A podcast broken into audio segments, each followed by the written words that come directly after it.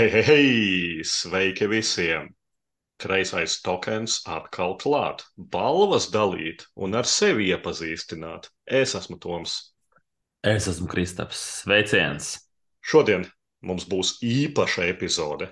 Pirmkārt, mēs sākam pusjubilejas, jeb piekto sezonu. Daudz laimes, Kristap! Daudz laimes, pieci mīļie mani radiņi, man ir pieci gadiņi. un zivi jāēd pusdienu laikā, vai kā tur, vai tas Jā. ir ceturtdienā. Jā, nu, pirmkārt, pusjubilejas sezona. Otrakārt, mēs esam ļoti labi no dabas. Mēs vēlamies sniegt palīdzīgu roku tiem, kas gribētu uzsākt klausīties kreiso tokenu, vai kas par mums ir aizmirsuši. Tas ir tāpat kā ar to koku stādīšanu. Vai tu, Kristap, zini, kura ir vislabākā diena, lai iestādītu koku?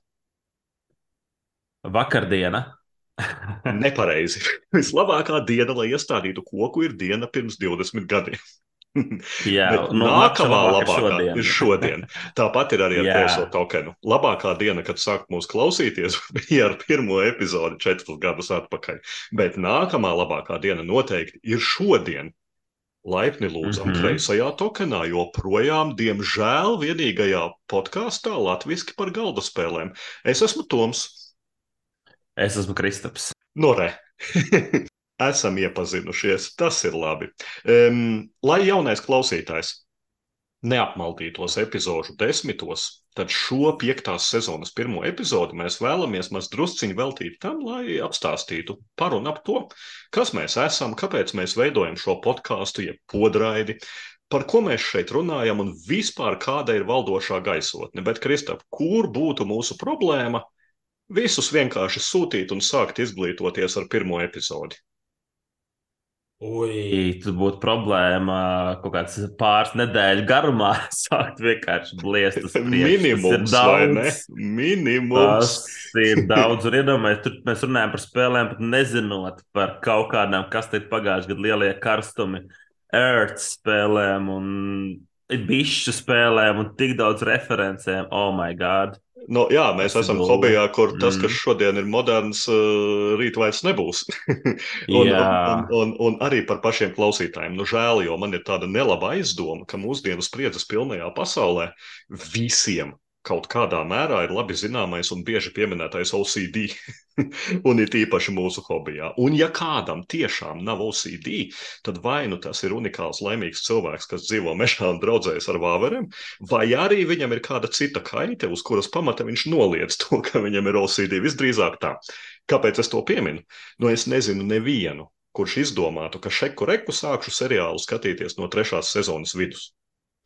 Un arī gameris. Viņš nesāks pandēmijas legacy kampaņu no aprīļa mēneša. Nu, kaut kādai kārtībai Jā. pasaulē ir jābūt. Un, ja tu sāc, tad kārtīgi un no sākuma. Un, ja tu kaut kur atpaliki no ritma, tad ir nākamā problēma. Stress, ka vajag iedzīt, un tad beigās tu neskaties, neklausies, nespēlē vispār. Un tas pats ir ar podkāstiem. Tu aizvadīji līksmu vasaru, nezinu, pagājušo gadu izlaidi piecas kreisā tokena epizodes. Nu, kā tad es novembrī atsākšu, ja nenoklausīšos vasaru, un puf, beigās palika bez podraides. Vai jaunajiem klausītājiem te saka, ugh, kreisais tokens, nenormāli laba štelle, bet nu tieši tā kā tu saki, Kristap, nu nevar tūkstošas stundas noklausīties, ko esam saražojuši. Nu nevar ielikt braucošā vilcienā. Uzminiet, ko var. Kreisais tokens ir rīktīgs Colt Express. Mēs piedāvājam iespēju atsākt, uzsākt, uzzināt, uz kāda viļņa mēs šobrīd esam, lai to piekto sezonu pavadītu kopā. Sākam ar šodienu. Pilnīgi nekāda stresa, nu, un ka mums tur bija vēl epizodes. Un mēs to darām arī ar jaunu grafisko noformējumu, Kristap. Vai par to kaut ko var pastāstīt? Nu, principā, tie, kas sākās klausīties šo epizodi, karoči tā ir bijis vienmēr, vai ne? Bet tiem, kas neklausās, nu, mēs domājam, ka ir pienākumi, ir pagājuši vairāk gadiņi, un kreisiem tokenam mazliet citādāk jāizskatās gan logotipam, gan arī jauns krekls ir iznācis, ko mēs visādos konkursiņos piedāvājam. Un klausītājiem paskatīties, tā kā jā, mēs paņēmām, pārskatījāmies dizains un līdzīgi kā Šobrīd galda spēlēs ir moderna, vis kaut kāda pārizdevuma, kreisā tokena logo un identitāte arī tāds pārizdevusies, mazliet citādāk, pielāgojas vairāk austiņām, kādas mums mājās ir. Jo vecajā logo bija tāds vecāks austiņš, tagad ir modernāks austiņš. Mm -hmm, Bluetooth, kā, bet, jā, ne iPodi tāpat, vismaz ne uz mm, aci. Mm. Vai ir kāds, kuram būtu jāsaka paldies, vai slepenais mākslinieks?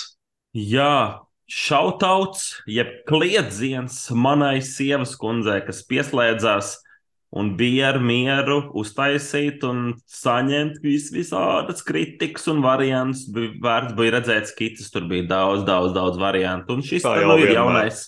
Mm. Token logo. Mm. Es teikšu, visi varianti bija lieliski. Tieši tā kā vienmēr ir visur, kur es dzīvē sastopos ar mākslinieku darinājumiem, kur tev iedod astoņus variantus, tad plēs galvu un domā, kurš visi ir labi, kurš ir šodien patīk labāk. Un cerams, ka viņa saņēma ne tikai kritiku, bet arī labu atzinību no, no, no sava dzīves partnera, ka uh, labs darbs ir izdarīts. Visa gada garumā sāk ar vienu victory point. Jā, Manuprāt, jā, ļoti jā, labi. Visās spēlēs, jā, Džaipurā jā. tas būtu patiesībā rīktīgi iespaidīgi. Tas ir ļoti spēcīgi, tur jau, tur jau ir var svaru kausi nosvērstīties. Bet jā, grafiskais noformējums ir, bet kas tad slēpjas aiz tā grafiskā noformējuma. Nu, tie, kuri zina, kas mēs esam, nu, nebeidziet, nebeidziet, nu, būs šajā epizodē viss arī parasts. Tiem, kas nezina, kas ir kreisais tokens. Ļoti īss atstāsts, uh, ko es kādreiz pirmajā epizodē stāstīju. Nu, es daudz klausījos galda spēļu podkāstu ceļā uz un no darba. Un mm -hmm. daudz dažādus, un uh, vienā no tiem arī tur es neatceros, tas nebija Bluepack Pinkpack, bet tas bija kaut kāds podkāsts, kur bija arī Džeksa meitene. Un, un, un tad uh, viņi tur spriedelēja, un tā meitene teica, nu, ka, jā, ka Stonemeyer Games, nu, tā kompānija, kura ieguva sev popularitāti un atpazīstamību, izlaižot, protams, ka Vingspanu tā ļoti gudri māca un stāsta. Un es domāju, ej, tak tu, es nezinu, nu, ja tu pirms pusgada sāki spēlēt un tā esi podkāstu vai kaut ko, nu, nu, nu diez kas nav. Un, un, un tad es sapratu, ka, nu, paklau, es varu runāt labāk, es varu runāt azartiskāk, es varu runāt foršāk, es varu runāt varbūt brīžiem stulbāk, bet, bet, bet kvalitatīvāk un zinošāk. Un vēl vēl viens stāsts man ir no mūsu jau podraides dzīves cikla, kādreizējā Daistauer podkāstā. Viena no vadītājām Mendija. Viņa Jā. stāstīja, cik interesanta spēle esot Last Will, kur esot jāsakrāj visvairāk naudas. Un te es domāju, ka lielākā daļa mūsu klausītāju var taisīt facepalmu. Principā lielākajā podkāstā, hobijā, ja tā brīdī, un, un tev vadītājs stāsta, ka Last Willā ir jāsakrāj visvairāk naudas. Nu, tad jā, e, un kaut kādā brīdī es izlēmu, ka ar 20 gadu pieredzi hobijā man ir ko teikt par spēlēm, ka es vēlos to darīt savā dzimtajā valodā, un ka es pavisam noteikti nevēlos to darīt viens. Vai tu, Kristap, atceries, kas notika tālāk? Nu, Toms, principā, uzaicinājis kafejnīcu. Domāju, ka mēs varbūt beidzot iemāc, iemācīsimies to Twilight Struggle spēlēt vai ko tamlīdzīgu, bet nē, nāk ar schēmām, plāniem, piecas gadus, trīs gadus plānu, viss notiekās. Un nu, man nebija varianti īsti. Jā, jāsaka, bija, jā, ok, laižam. Mm. Laižam, laižam, laižam, laižam. Un, jā, man likās, fun thing to do.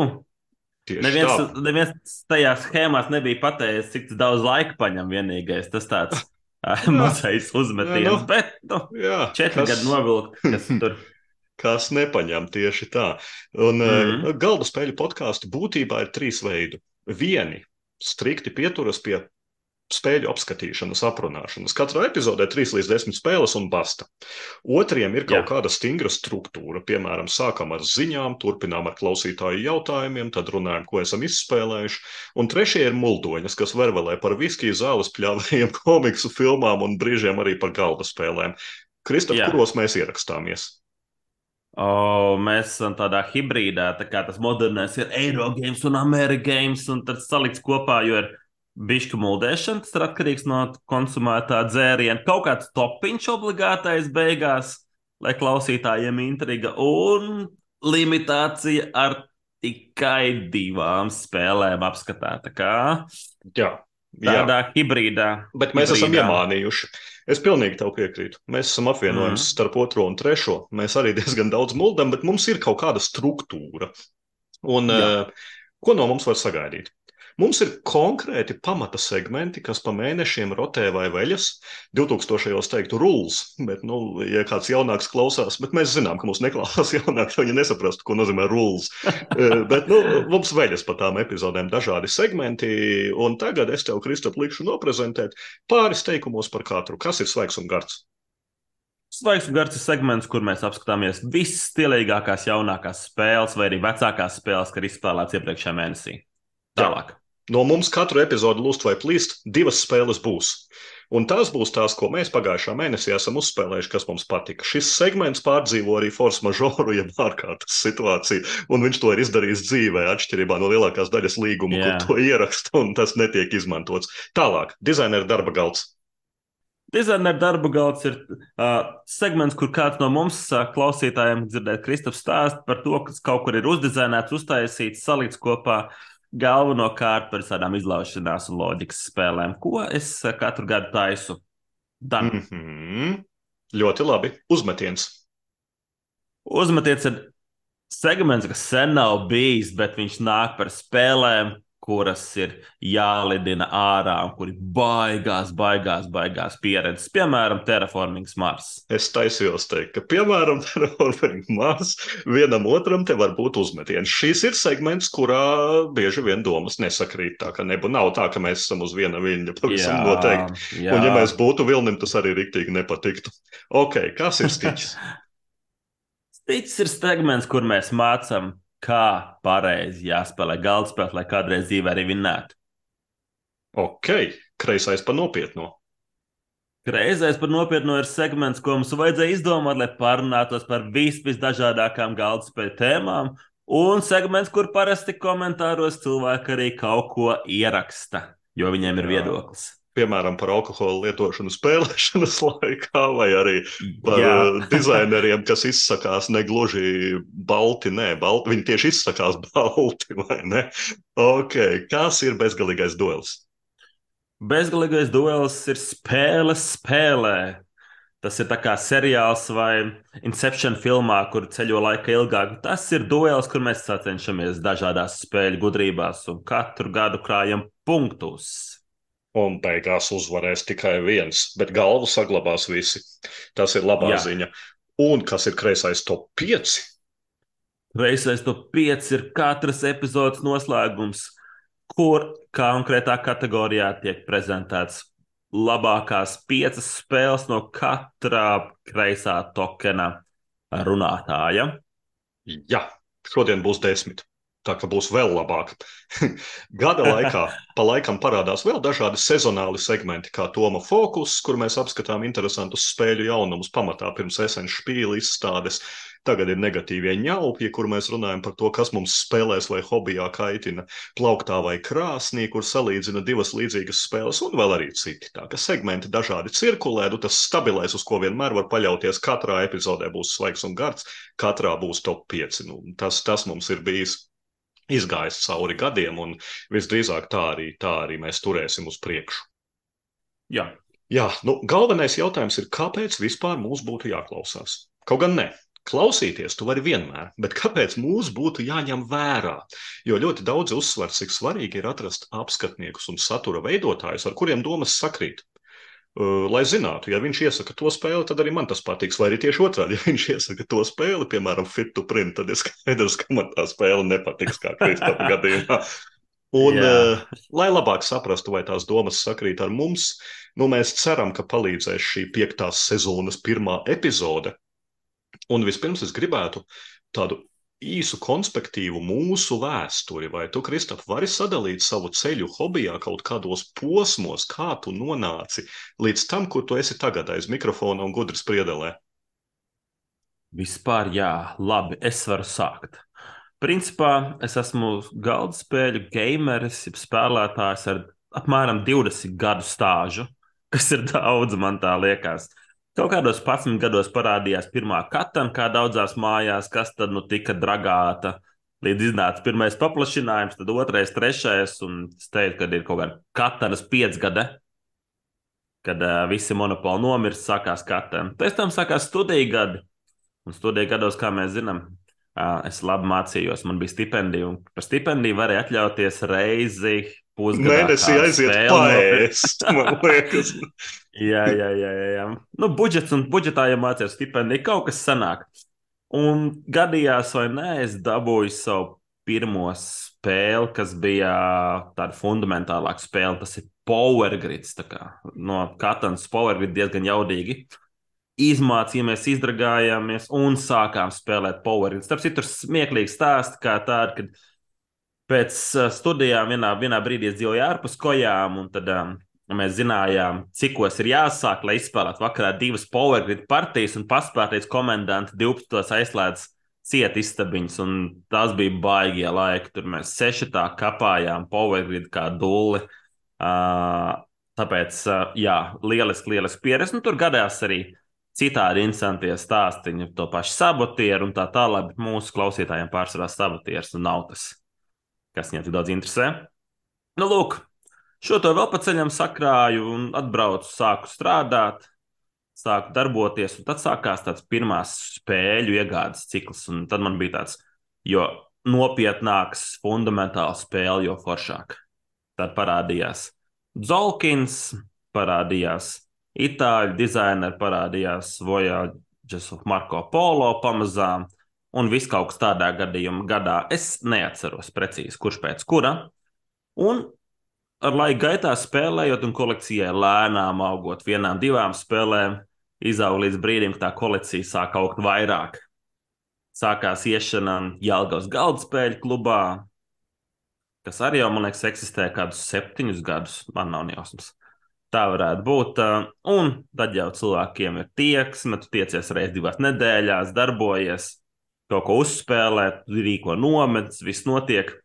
Pa ceļam vēl ir fāze, kas saucās Kickstarter fāze, kad tev sāk nākt lielie Kickstarter ar daudzajām kastēm, kas ir Reizing Sani, Nemeši un kaut kas vēl, man kaut kādi 11 Kickstarter tādi nopietnie ir bijuši. Un no tā es šobrīd esmu brīvs vaļā, un dotajā brīdī kolekcijā ir, es ne, lūk, nepaskatījos kaut kur varētu būt kaut kāds 130 līdz 150 spēles tajā lokā. Un, un, un, un, un šobrīd es vairāk spēlēs vērtēju to lietotāju pieredzi, cik viss ir pārdomāts, forši salikts kopā, sakombinēts. Un es vairāk skatos tādām dziļām, bet uh, elegantām spēlēm. Tas tāds tas mans, mans rakurs, kas man šobrīd spēlēs, ir tāds aktuālākais. Tā kā jums patīk dziļas, elegants spēles, kas nav pārmudrīts, droši klausieties mans ieteikums. Un vēl jau to arī patiesībā diezgan aktīvi kapā Boardgame arīnā, vai ne? Digitāli. Mm -hmm. Un arī jā, jā, jā. solo diezgan solīdi salīdzinājumā ar daudziem citiem, vismaz biežāk solo. Jā, sanāk, sanāk, sanāk, sanāk vainīgs. Jā, to ik pa brīdim mums ir. Citu kaut ko arī saku, arvien vairāk kapāt ar savu dēlu. Tad mazos kvakus mēs nesen flamrūžu kopā spēlējām, un tā tālāk. Tā kā jaunā paudze tiek vilkt iekšā, vilkt iekšā mm. pamazām. Un cerams, ka nevis aiz ausīm, bet labprātīgi vismaz sākumā. Jā. Vismaz nu, sākumā. Jā, man tas posms bija sākumā diezgan līdzīgs. Viss sākās ar to, ka es mierīgi lasīju avīzi Diena. Un pēdējā lapā bija tāds maziņš rakstīns no brain gamiem. Man liekas, tur kāda, kā saka, tādas divi lauzumi. Ja? Un, un, un tur bija rakstīts, ka Katanas ieceļotāji, ka tur uber cool, interesanta spēle, vēl kaut kas, un mēs tagad viņu izdosim latviski un visā pasaulē zināma. Un tad es lasīju to avīzi, man iepletās acis, ka kā, nu, tas gan izskatās kaut kas riktīgi interesants, jo, protams, ka es tajā laikā Es biju studiju gados, es kapāju datorspēles diezgan daudz, neko nezināju par galda spēlēm, vispār neko. Es teiktu, pat arī bērnībā, jā, nu es tur ričurāņši cirki, kas nu padomi laikos bija pieejams, tas bija bišķiņ paspēlēts loto bet, bet, bet arī ne tās super aizraujoties, ka tur būtu rīktīgi gameri. Nu, nē. Un tad es lasu avīzē dienu, tur, ū, ka tu, tu tāda spēle. Un tad uzreiz es izdomāju, ka tādu es gribu. Viss. Es vienkārši paņēmu naudu, aizgāju un tādu spēli nopirku. Un tad sākās katanas ieceļotāju posms, par ko bieži vien jau ar iepriekšējās podraidas epizodēs esmu stāstījis, cik tur iespējams, ka simti partiju bija izspēlēti visādās kompānijās, un viņi bija jāņem līdzi uz visiem tusiem, arī studentu līmenī. Tu, tu, tu esi piedalījies uh, gadījumos, ka katana spēlē viena komplekta sešatā vai septiņatā Nē, par, par laimi spēlē. es biju ļoti strikti, jo es, e, es esmu viens no tiem, kas e, jā, nu, par noteikumiem stāv un krīt. Ja fleksibilitātes nekādas, ja ir teikts tā, tad, tad atšujieties visi pārējie nu, bez variantiem. Uh, Nu jā, un tad uh, katrs ieceļotāju posms uh, gāja uz priekšu, un tad nākamais bija brain games posms. Ka, un tas ir tas, kam, manuprāt, mūsdienās iet ļoti daudzi no jaunajiem gameriem cauri Latvijā. Uh, vajag visas spēles, ko viņi izdod.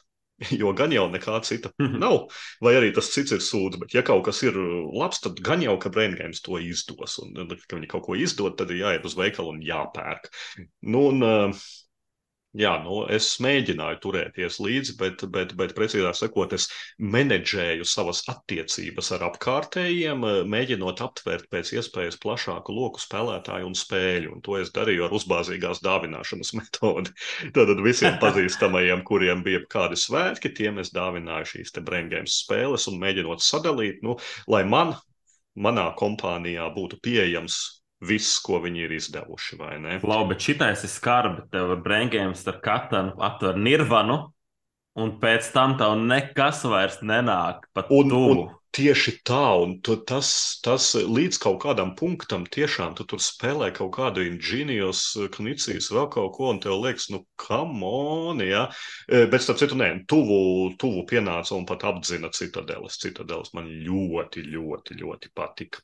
Nu jā, un tad pēc šī uzbāzīgā dāvināšanas posma un, un, un, un, un mēģināšanas pēc iespējas plašāku braingames spēļu loku izplatīt visapkārt sev, nāca apskatnieku un boardgame geek posms. Jeb eh, atklāsmē, ka šīra nav visa pasaule. un ka ieceļotāji Karkasone, Citadeles un Saujiņa gigamika abstraktu tās nav visas spēles, kas jebkad ir radītas. Gluži pretēji. Un eh, jā, nu tas bija troša, troša alas sākums. Eh, Daistāvērs, jā, Toms Vaselis, kurš tad vēl Daistāvērā, ja domājies, Daistāvērā Uh, slogans bija Real Men Play Board Games. Īstie veči spēlē. Un tas oh, tagad nezināju. Jā, un viņiem tas bija rakstīts zem tā lielā, ka īstie veči. Un, un, un es nezinu, vai pats Toms Vasels kādreiz par to ir retrospektīvi apskatījies un smējies. Jo, nu, jo tagad jau viņš ir ļoti, ļoti tieši iekļaujošs. Un, un pat ja viņš redz, ka kaut kur, nezinu, tur kartiņās ir tikai džeki, nav meiteņi, tad viņš uz to norāda. Bet mm. kādreiz viņš ar to sāka, ka nu, īstajiem večiem ir galvaspēle. Nu jā, nu viens bija daistāvs Discovery, un otrs bija Board Game Geek, kur tad es lasīju visu, ko un uh, ar apskatniekiem. Ja tas, tas jau bija tas nopietnais apzināšanās posms, uh, yeah. cik tas hobijs patiesībā ir plašs. Un uh, tad es pārgāju jau spēlēšanu konkrētā grupā, vai nu divatā ar sievu, vai četratā. Viena un tā pati kompānija, vieni un tie paši četri cilvēki, un iespējams, ka tas bija ilgākais no posmiem, tiešām vairāku gadu garumā. Es teiktu, iespējams, kaut kādi pat. Varētu būt kādi desmit gadi visdrīzāk, ka mēs, mēs nu, nu, labi, desmit varbūt ne, bet seši, septiņi, astoņi, kur tiešām uh, citās kompānijās spēlēšanas nebija viss tika spēlēts šajā kompānijā, jaunas spēles tika iegādātas, uh, vecās atspēlētas un tā.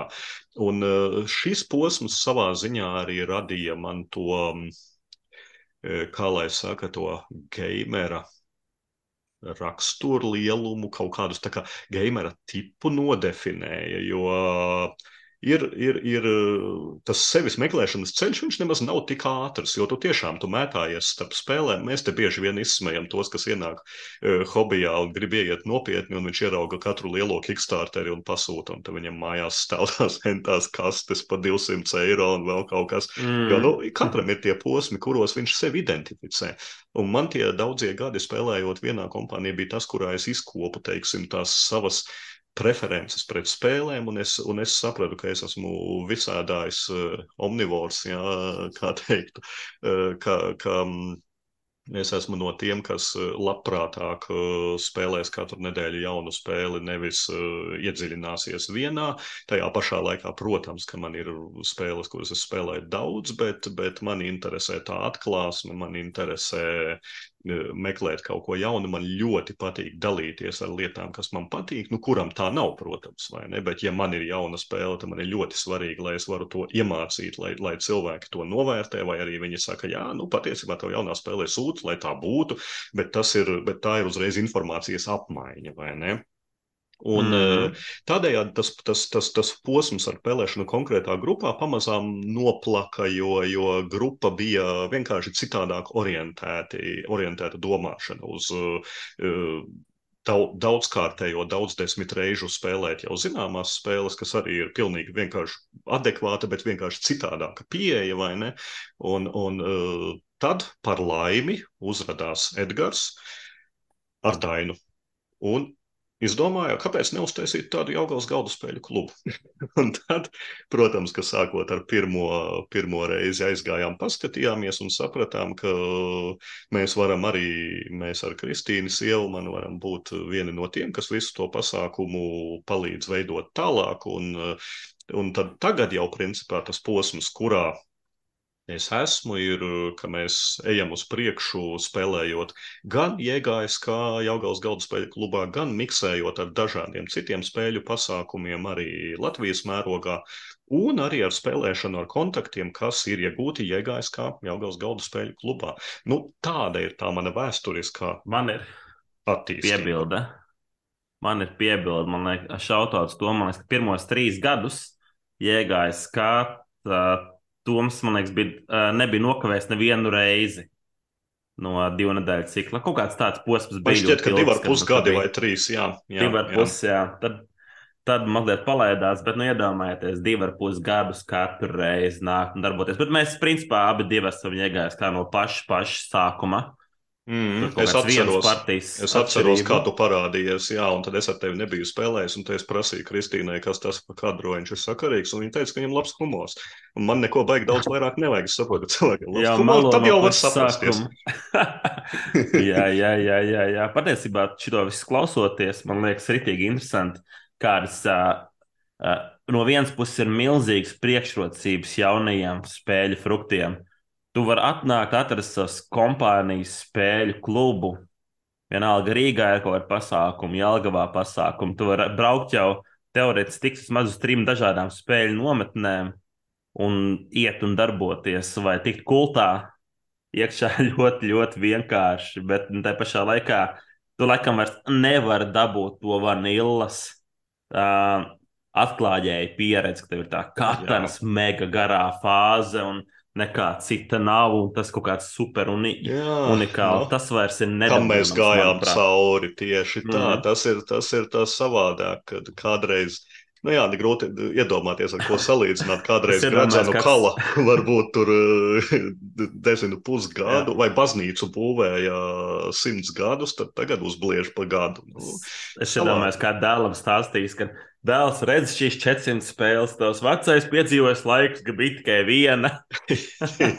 Jā, nu, tas laiks mums nebūs jāpiedzīvo, bet mums būs jāpiedzīvo vienkārši unikāla diena vēsturē, un šī būs unikāla diena vēsturē. Jau pagājušajā epizodē es stāstīju, ka lielākā daļa galda spēļu satura veidotāji agrāk vai vēlāk izlēma, ka viņi ir nenormāli svarīgi un ietekmīgi, un tad viņi sāk dalīt nominācijas un balvas. Un, kā jau es minēju, mums ir pusjubilejas, ja piektā sezona. Un arī mums tagad ir super, duper unikālais apbalvojums - zelta tokens. Precīzāk, oh. zelta tokens un tautas tokens, kas abi būtībā ir zelta tokens. jo spēlē, jebkurā gadījumā, ir jāpatīk mums abiem, gan Kristapam, gan Tomam. Tikai vienu no šīm spēlēm zelta tokenu mēs izvēlamies slepeni savstarpēji vienojoties, bet otram mēs gaidām ierosinājumus no klausītājiem, kuri ļoti rūpīgi ausās un mūs klausās un saprot, kas tad mums katram aiz ādas ir un kas mums patīk. Jā. Pa lielam tā kā prezidentu un tā kā pašvaldības vēlēšanas. Jā, jā vai Eiropa parlamentu. jā. Tas tagad tuvāk. Žūrija ir lēmusi, klausītāji ir nobalsojuši. Nu tad, Kristof, lūdzu, rezultātus studijā. Kas iegūst tautas tokenu? Tautas tokens cieņpilni tiek piešķirts nevienai citai spēlē kā suburbija. Labākajai lauciņu izvietošanas ekonomiskajai spēlē, kas jebkad ir radīta. Tā kā aplausu un ovācijas suburbija par to, ka uh, par spīti lielām kastēm, neglītiem dizainiem sākumā. Tā ir fantastiska spēle. Jā, man ir jāsaka, Kristofa vārdiem, o jā, jā suburbija noteikti mums abiem ir ļoti lielā cieņā, un viņa ir nu, es teiktu, pelnījusi iegūt, iegūt to pirmo vēsturisko vienu no zelta tokeniem. Un, un starp balsīm bija dažādi varianti. Bija e, viena spēle, kura nekad neiegūs zelta tokenu, bija viena spēle, kura visdrīzāk kaut kad iegūs zelta tokenu, un bija viena spēle, kura vienkārši vēl, es teiktu, ir bišķiņa par zaļu. Pat tad, ja viņa kādreiz nopelnītu, bet nu, nu vēl pat vienu gadiņu vec jānodzīvo vispirms tajā spēlē. Ir tā, ka varianti bija mm -hmm. arī. Dažādi. Nu, lūk, bet uh, arī mēs, arī mēs esam vienojušies par spēli, kas iegūst zelta tokenu. Un, Kristap, kas tā ir? Zelta tokenu iegūst katra vīna cienītāja ekscelence. Un galda spēle, kas sevi ietver Toskānas lauku svaigumu un kartonu, kas smaržo pēc tikko atvērta šardonē vīna, jeb viticulture. Visticamāk, essential editions, bet visticamāk. Viticulture. Principā jau visi edition ir labi, nu, protams, ka essentials visdrīzāk arī ir tagad dabūjamais. Un uh, arī vienkārši lieliska spēle. Un kā jau es minēju, nu, uh, Kristapa pārliecinot par, par, par to, ka tas ir ļoti laba opcija. Nu, man kā Stonmēra spēļu būtībā flagmanim popularizēšanā, nu, kaut kad ir jāparādās kādam zelta tokenam no viņiem. Un es teiktu, ka citām spēlēm, varbūt ar vienu izņēmumu, nu, nav izredzu tikt pie tokena. Ne mūsu kompānijā, un ne mums abiem vienojoties. Tāpēc, jā, lai tas, lai tas jā, ir vitikultūrs, tiešām, tiešām. Šeit svarīgi jāpiebilst, ka es esmu vitikultūrs vienīgais čempions uh, turnīrā, kas Latvijā jebkad ir noticis. Tas jautājums, vai tagad kaut kad nebija kaut kāds turnīrs tieši vitikultūra? Nesen, man liekas, no, ka šogad bija. Ir... Bet tas ir tāpat kā Vienkārši. mums kā podkāstu. Jā, jā, jā, mēs bijām pirmie, ne, ne, bet ja kāds uzrodas, tad tas vairs neskaitās. Stilīgākais šahists ir Magnus Karlsons, vai ne? Šobrīd, jā. jā. Vallē vai kaut kur nezinu, sabilē rīko turnīru, saka, mega granda turnīrs tiek aicināts šahā, un tur nav Magnus Karlsons, tas nav nozīmīgs turnīrs. Ja te vitikultūra turnīrā nebija, tad tas nav nozīmīgs turnīrs. Es domāju, vai tas, vienkārši. nav, vai, vai tas nav otrādi. Ne, ja, ja, ja Sabilē vai Vallē tiek rīkots šāda turnīrs un neatbrauc Magnus Karlsons, viņš pats ir vainīgs, bet čempiona titulu izdala tur. Ja? Tas, ka viņš neatbrauca, nu, neko. Nu, tā, viņa Imantam no Raina ielas trešā stāva.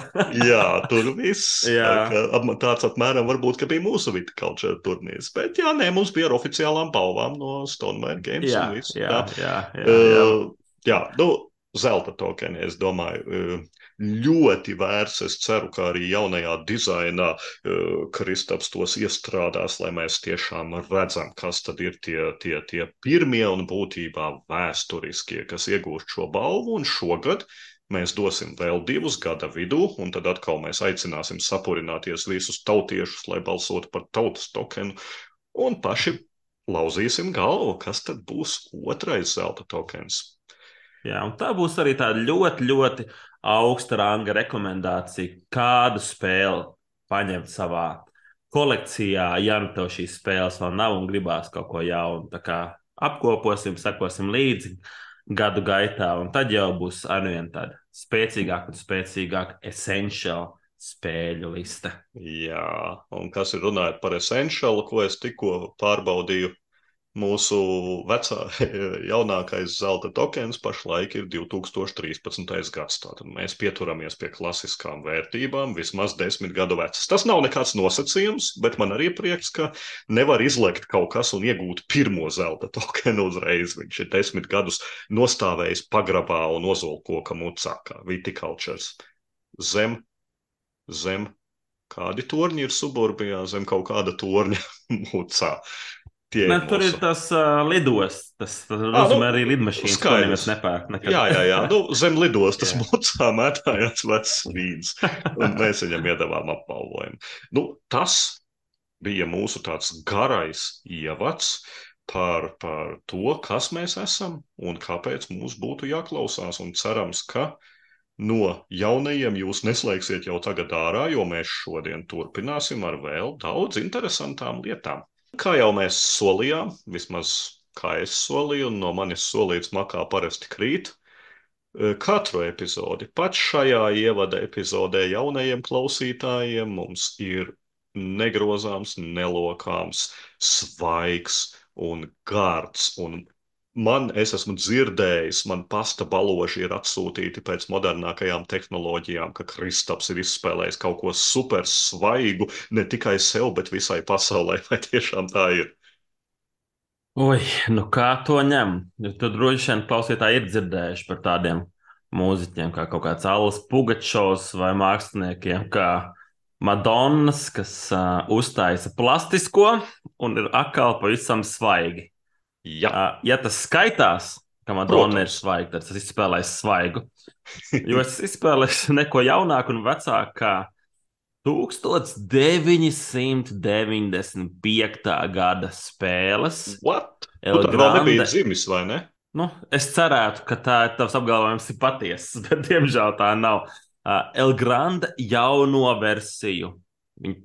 Jo līdz ko parādās jauna versija, tā spēle ir atkal svaiga. Vecu Elgrande varētu nēsāt uz spēļu vakariem miljonus reizes, nope. un tā arī viņi droši vien nedabūja. Bez variantiem. Bez variantiem. Nekādīgi. Bet viss, kas vajadzīgs, ir jauna kosmētika, plastiskā, mazāk kastu un spēle atkal rullē. Labi, mazliet klausītājiem, kas īsti ir Algrande, jo nu, kurš atcerās 1995. gadu, kad viņa tika izdota. Uh, Principā tā ir reģiona kontrols spēle. Reģiona kontrols spēles Spānijā. Un spēles pamatīdeja ir tāda, ka spēlētāji izvēlās kārtas, kas nosaka divas lietas. Cik varēs vieriņš uzlikt uz kartes Spānijas, un vienu nešpatnu vai mazāk špatnu bonusu. Un attiecība ir tāda, jo, jo, jo, jo, jo, jo uh, vairāk vīriņus tu varēsi uzlikt, jo tas bonus ir švakāks. Nu, nosacīt. Viņi ļoti bieži ir atšķirībā no situācijas. Un ar katru raundu no deviņiem raundiem spēlētāji cītīgi par šo balso secību, kādā viņi izvēlās, plus ar kārtīm no 1 līdz kaut kāda 14 bija. Un jo lielāka kārta viņi balso secībā, jo mazāk vīriņi pienāk viņu rezervē, bet viņi var pirmie izvēlēties to smeķīgāko kārti. Uh, un tā tiek kontrolēta reģioni. Pēc trešā raunda ir skaitīšana. Katrs reģions dod kaut kādus noteiktus punktus. Piemēram, viens centrālais dod tam, kuram visvairāk ir piecīti, otrai vietā trīnīti, tad divu divnieku. Un tad ir visādas uh, interesanti elementi. Kā viens no tiem ir tas, ka katram spēlētājam ir viens vīriņš, kas ir uz zirga, kas dotē reģiona zemē iespējas iegūt vairāk punktus. Tad ir karalis, kas staigā pa Spānijas kārtu, kur nevienu vīriņu nevar piemest, bet arī dod vairāk punktus. Tad ir milzīgs tornis, kur, ja tu negribi līdz kartes vīriņš, tur iemest iekšā tajā tornī, un tie vīriņi tiek sadalās uz punktu uh, skaitīšanas raundu, aiziet uz kādu reģionu un tā tālāk. Un tā joprojām. Vēl viens interesants aspekts, man liekas, super amizants ir Portugāle. Kas ir Portugāles? Šeit ir spāņu mīlestība pret Spāniju, jo Portugāla nav nekas kā tikai vieta, kus, kuras ir uzdrukāts raundu skaitītājs, kas man liekas absolūti amizanti. Nu, lūk, spēle ir salīdzinoši vienkārša. Un viss spēles pamats sāls un foršākais elements ir uh, tajā Piedīgajā kāršu izvēlē, ko tu ņemsi? Tu ņemsi tikai divus vīriņus, un ko ir taisījis mega darbība, vai ņemsi piecus vīriņus, bet vienkārši pakustinās karali. Un tas ir baigi interesanti patiesībā. Super vienkārši. Tev nav pat jāmāca visas kārtas. Spēlētājiem saki, te būs tik, tik, tik punkti. Izvēlieties um, kārtu secībā, kāda jums ir augstākā kārta, augstākā kārtiņa, ko esat izspēlējuši. Un darbojamies ar to. Tas tāds ļoti interesants drafts. Ja nemaldos, šis saucās atvērtais drafts, kur mēs redzam to visu pasākumu skaidri un gaiši. Un viss sāls ir tajā, ka tās spējas uz kārtīm ir ļoti dažādas. Piemēram, ir tāds, kas nomaina, cik reģions dos punktus. Ir tādas, kas var aizvākt savus cilvēkus no viena konkrēta reģiona uz dažādu reģionu. Ir tāds, kas sasauc visus pretinieku cilvēkus vienā reģionā, tad viņam tur ir garantēta uzvara, bet citur nekā nav. Un tas ir interesanti. Tas ir vienkārši un interesanti. Un es esmu spēlējis arī veco Elgrānas versiju. Un jāsaka, jāsaka, ka jaunā versija mehāniski, cik es atceros, un cik man arī spēles īpašnieks teica, īsti ne ar ko neatšķirās. Jā, tur ir pārstrādāti, pārskatīti, paplašinājumi un tā tālāk, un droši vien jūs vēl grāmatā spēlējuši daudz reizes atšķirību būs kaut kādīgi definējami, bet tā realistiski, tā kā viņi tika izdota um, 90. gados, tāda šī spēle ir joprojām. Un jāsaka, ka viņi ir varan, varan veiksmīga izdota jau tajā oriģinālajā reizē. Jo man patīk, pirmo reizi es kaut kādā 2011. gados spēlēju vienā nometnē, un man liekas, wow! Šī bija spēle, kas bija ilgi dzīvojusi, ilgi cirkulējusi un saukt kā arī kontroli, jeb reģionu kontrols māte, vai ne? Ja, ja šobrīd jau droši vien vecmāmiņa pēc spēļu vecuma cenzūras un diezgan cienīti. Bet Elgrandi no tām vecmāmiņām, kas brauc ar moci, uzpīpē kādreiz zālīt, un tad, kad mazbērniem sāp mugura, viņi joprojām rullē, jo jaunā partija, jaunajā versijā, man liekas, superforša.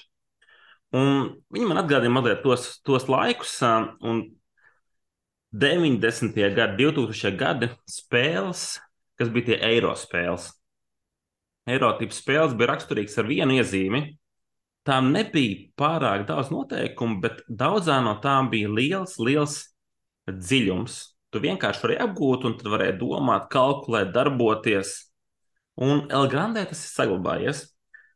Es redzu, ka viņi ir super tīri. Tur nav gandrīz nekādu samudrītu aspektu. Ej, spēlē, kalkulē, darbojies. Uzvar labākais vai tas, ko es mazāk pārēju ar piečkarējuši. Interakcija ir milzīga, spēle ir forša. Un es domāju, ka jaunā versija ir ļoti labs atsvērzinājums, lai šī spēle atkal tiktu spēlēta. Manā ieskatā bija uh, lieliska, lieliska pieredze. Es tiešām jutos patīkami Mēs četrā spēlējam, darbojamies, izstāstām noteikumus, un viss notiek, iet uz priekšu, un ir forši. Ir ļoti, ļoti forši.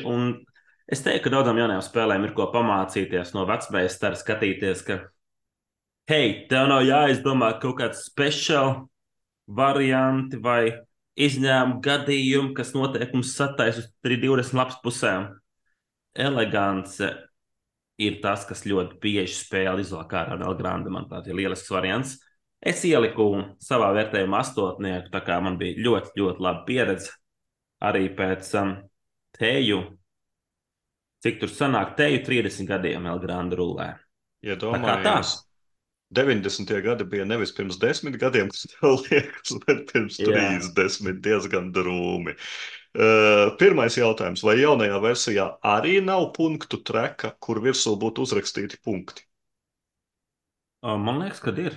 Viņš okay. ir traks, kas iet apkārt. Jā, Nē, vecajā versijā arī traks, kas iet apkārt, bet tur nebija punkti. Jo nav jau svarīgi, nē, nē. cik ir punkti. Svarīgi ir, kurš uzvar. Kāda starpība, cik Jā. ir punkti. Tas, to es atceros spilgti no vecās ir, versijas, ka punkti nebija vienkārši. Tev ir traks apkārt kvadrātiņiem, bet punkti nav uzrakstīti. Jā, nu, L Grande, L Grande, arī man ir pieredze ar L Grandi. Četras partijas savulaik esmu izrambājis, pat es skatos BGG. Nu, tas ir, tas ir nevelti to sauc par ērēju kontrolu vectētiņu vai, kā tu, Kristaps, mm vecmāmiņu, jo uz viņa pamata izveidotas spēles ir tiešām kaudzēm tiešām vesels mehānisms ir balstīts uz El Grandi. Cita runa, ka zelta tokenu nu, viņš nedabūs. Pat tad, ja tu, Kristap, viņu kādreiz iemīļosi nenormāli, no manis viņš nedabūs. Es tomēr paliku pie Jā. tāda, nu, tāda, tāds, tāds, kas man viņam stāv, tāds klasiskais sešinieks. Klasiskais sešinieks, jā. nu, El Grande ir tīrs klasisks area kontrola mehānismu paraugs. Jo, kas ir interesanti, daudzas no spēlēm, kuras sauc par area kontrolu, nemaz neatbilst tam sākotnējam mehānismu principam. Piemēram, Smallworld nav area control, jo tā area control būtība ir tāda, ka vienā apgabalā krājas daudz, daudz dažādi dažāda skaita, dažādu spēlētāju, vai tās ir figūriņas, vai kubiņi, vai vēl kaut kas. Un tad kaut kādā brīdī tiek noskaidrots, kurš to apgabalu kontrolē. Bet ļoti daudzām spēlēm, kuras mūsdienās sauc par ierēku kontroli, ir tā, ka katrā apgabalā var būt tikai viens, un ja tur ieiet otrs, tad viņiem ir jākaujas. Un, un mm -hmm. tādējādi El Grande tiešām ir tas klasiskais, ko nozīmēja ierē kontrola kādreiz. E, kas man nepatīk El Grande, nu, tas pēc būtības nav mans mehānisms. Ierē kontroli nu, nepatīk, nepatīk man pēc būtības kā tādi. Un vēl jāatzīst, ka tā atmiņas nozīme, nu, nevelti, jā, 95. gadā es jau sen skraidīju pa pasauli, tā ka uh, El Grande ir nozīme, jo tas tornis, ko Kristaps minēja, tur, kur te Kelva kavalieros, kur, kur met iekšā visus tos kubiņus, ir ļoti svarīgi atcerēties, cik tur kuram ir tie kubiņi, jo tas var dot tiešām daudz punktus, un tas man traucē. Nav tā, ka es, es domāju, nevaru atcerēties. Tas nav tā, ka es nevaru atcerēties, bet es negribu partijas laikā papildus visam tam niansētajam, ko tu runāji. Tiešām tā arī ir. Tai plānošanai visu laiku skaitīt. Tā, Raivim tur ir septiņi kubiņi, Lindai trīs un Sabīnai četri. Ai, ai, ai, man tur ir tikai mm. divi, man vajag iebāzt tur kaut kādus kubiņus. Man tas traucē. bet, nu jā, jā. kopumā, kopumā viennozīmīgi tas ir klasiķis. Zinu, kā es zinu, ka pārizdevums būs liels hits. Es tagad čirstu bildes un redzu, ka uz vienas kastes sāna rakstās devir. Nozīmē, tā kā Viņas fani pušos uz jā, priekšu. Jā, jā, jā, Gaidām vēl Grande 50. kā viņš mēs kaut 90. vietā bija. Uh, kā... Vai mūsdienās tu redzi, ka šo spēli būtu jāpērk? Tiem, kas uh, ir domājuši, UL Grande, nu daudziem patīk tur leģendas jā. par vecajām spēlēm. Ja atrod jauno izdevumu, var pirkt, vai ne? Es teiktu, atrod jauno izdevumu, var pirkt. Ja tur, bet ļoti bieži ar jauniem izdevumiem vecie paliek krietni lētāki. Nevajag jaunais izdevums būs par normālām cenām. Jā, nu, vecais izskatījās viņi... ļoti jā. vecs, izskatās vecais. Pret šo šis ir skaists. Šis ir tiešām jā, skaists. Jā, jā. Labi, pēdējais atjaunoto versiju cīņa. Tā kā Kristaps nu pat apskatīja Amon Re, El Grande vai Amon Re? Protams, e, El Grande. El Grande bija izcils piemērs, Amon Re bija uh, novecojis. Sorry, Amon Re bija novecojis. Yes, Jā, yes. nu pārmaiņas pēc man, atšķirībā no Kristapa, svaigs un garš segmentā ir kaut kas no 2023. nevis 1850. gada. Es gribu pastāstīt par Forest Shuffle. Tāda oh. diezgan jauna spēle, kura iznāca neizdevīgā brīdī, tuvu gada beigām, un laikam tikai Eiropā. Un, kā zināms, lielākā daļa apskatnieku galda spēļu dzīvo otrpus dīķim, un kompānija izdevēja Lukaučpīla izskatās, ka nav arī centušies īpaši sūtīt šo spēli apskatniekiem, tāpēc gada topos praktiski nevienam nefigurē. Bet es redzu, ka viņa būtu kandidāts tiešām daudziem sinot satura veidotājus nonākt arī 2023. gada topos. Kas tad ir Forest Shuffle? Forest Shuffle tēma ir super uh, primitīva. Pat paši spēles veidotāji to ir uzrakstījuši vienā teikumā, ka spēlētāji vāc visvērtīgākos kokus un šiem kokiem piesaista dažādas sugas, veidojot ekoloģiski balansētu vidi florai un faunai. Viss tā ir visa tēma. Uh, es pat varētu vairāk pateikt par šo tēmu, tad mēs būvējam savu mežu. Vispirms mēs ieviešam kokus, un tad mēs ieviešam tos, kas dzīvo kokos zem kokiem un ap kokiem. Principā tāda virzīta vai pat mežīša katram spēlētājam veidojas. Kādi ir spēles mehānismi? Boardgame geekā ir uzskaitīti deviņi mehānismi. Wow. Deviņi ar izsaukuma zīmi. Tas izsaukuma zīme no manis. Es teikšu vienkāršāk, ir viens mehānisms kārtis. Okay, Ja jūs gribat nedaudz precīzāk, kolekcijas veidošana, jeb set collection mehānisms. Var tur var nosaukt, nezinu, cik veidos Jeffs Engelsteins ir sadalījis tos mehānismus, vai ne? Tur ir hand managements, vai ne, ka tu tās kārtas muļļā pa roku, un tad ir kāršu pārklāšana kā atsevišķs mehānisms, kad tu viņas izliec un bla bla bla, un multi-use kārtas, bet idejas, tās ir kārtas. Spēle ir kārtas. Tad, kad tu atver kasti, uh, tu redzi kārtas. Eh, principā tas ir, tas ir, ja mēs primitivizējam mehānismu līmenī, ja tev liekas, ka Centuries Paisraut, piemēram, ir uh, no komponentu viedokļa un no mehānismiem super vienkāršs, vai ne? Kas tur ir? Tur ir tikai kārtas un četri kristāliņi. Vai Jā. Splendors ar saviem obsidiāna materiāla čipiņiem un kārtīm, nu, plāksnītēm, vai ne? Uh, kārtīm. Un, un, un, un šeit tas ir primitivizēts absolūti. Kāds ir izdomājis, ka nafigā mums ir jātaisa kristāliņi, vēl kaut kas. Mēs vienkārši izdrukājam kārtas, 160 kārtas, rekur kastē noteikumi iekšā, viss pūšam prom pie spēlētājiem. Un kā tie mehānismi strādā? Tās ir tā saucamās multi-use kārtas, kuras pašas visu nosedz. Kā saka, spēle pati veido kārtas, veido ekonomiku. Uz kārtīm virsū ir koki, ko es minēju, kurus tev vajag. Uz kārtīm virsū ir mm. dzīvnieki, ir sūnas, ir sēnes, vēl kaut kas. Un e, pašas kārtas ir arī cena. Uz katras kārtas virsū ir cena, cik kārtas, tā, tā, tā kā, cik kārtas maksā uzlikt to kārti. Piemēram, es gribu uzlikt ozolu, man ir uzrakstīts ozolam divi, tātad man ir jāizmet divas citas kārtas no rokas, lai es iestādītu ozolu. Un ozoli Forest Shuffle aug daudz ātrāk, kā mūsu apspriestie koki, e, kuru jāstāda bija pirms 20 gadiem. Te viņš ir hops un ir uzradies, tā kā Rīgas autostas sarkanais ozols, kuru tur pārstādīja laikam. Tāpēc ap tiem kokiem prasīja. Nu, redzi, redzi, man jau vienmēr ir kaut kāds zemteksts. E, kā Jā. tas strādā? Tas strādā interesanta ideja, ka katram kokam, koks ir, iedomājamies, parastā kārtiņa, katram kokam var dzīvot kaut kas labajā pusē, kreisajā pusē, augšā, apakšā. Tātad, principā, zem katra koka mēs varam pabāzt četras puskartiņas. Un tās kartiņas, kas nav koki, viņas tā arī ir dalītas uz pusēm. Kreisā puse, labā puse, piemēram, kreisajā pusē ēzis, labajā pusē lūsis. Un e, augšā apakša, piemēram, apakšā kurmis, augšā taurenis.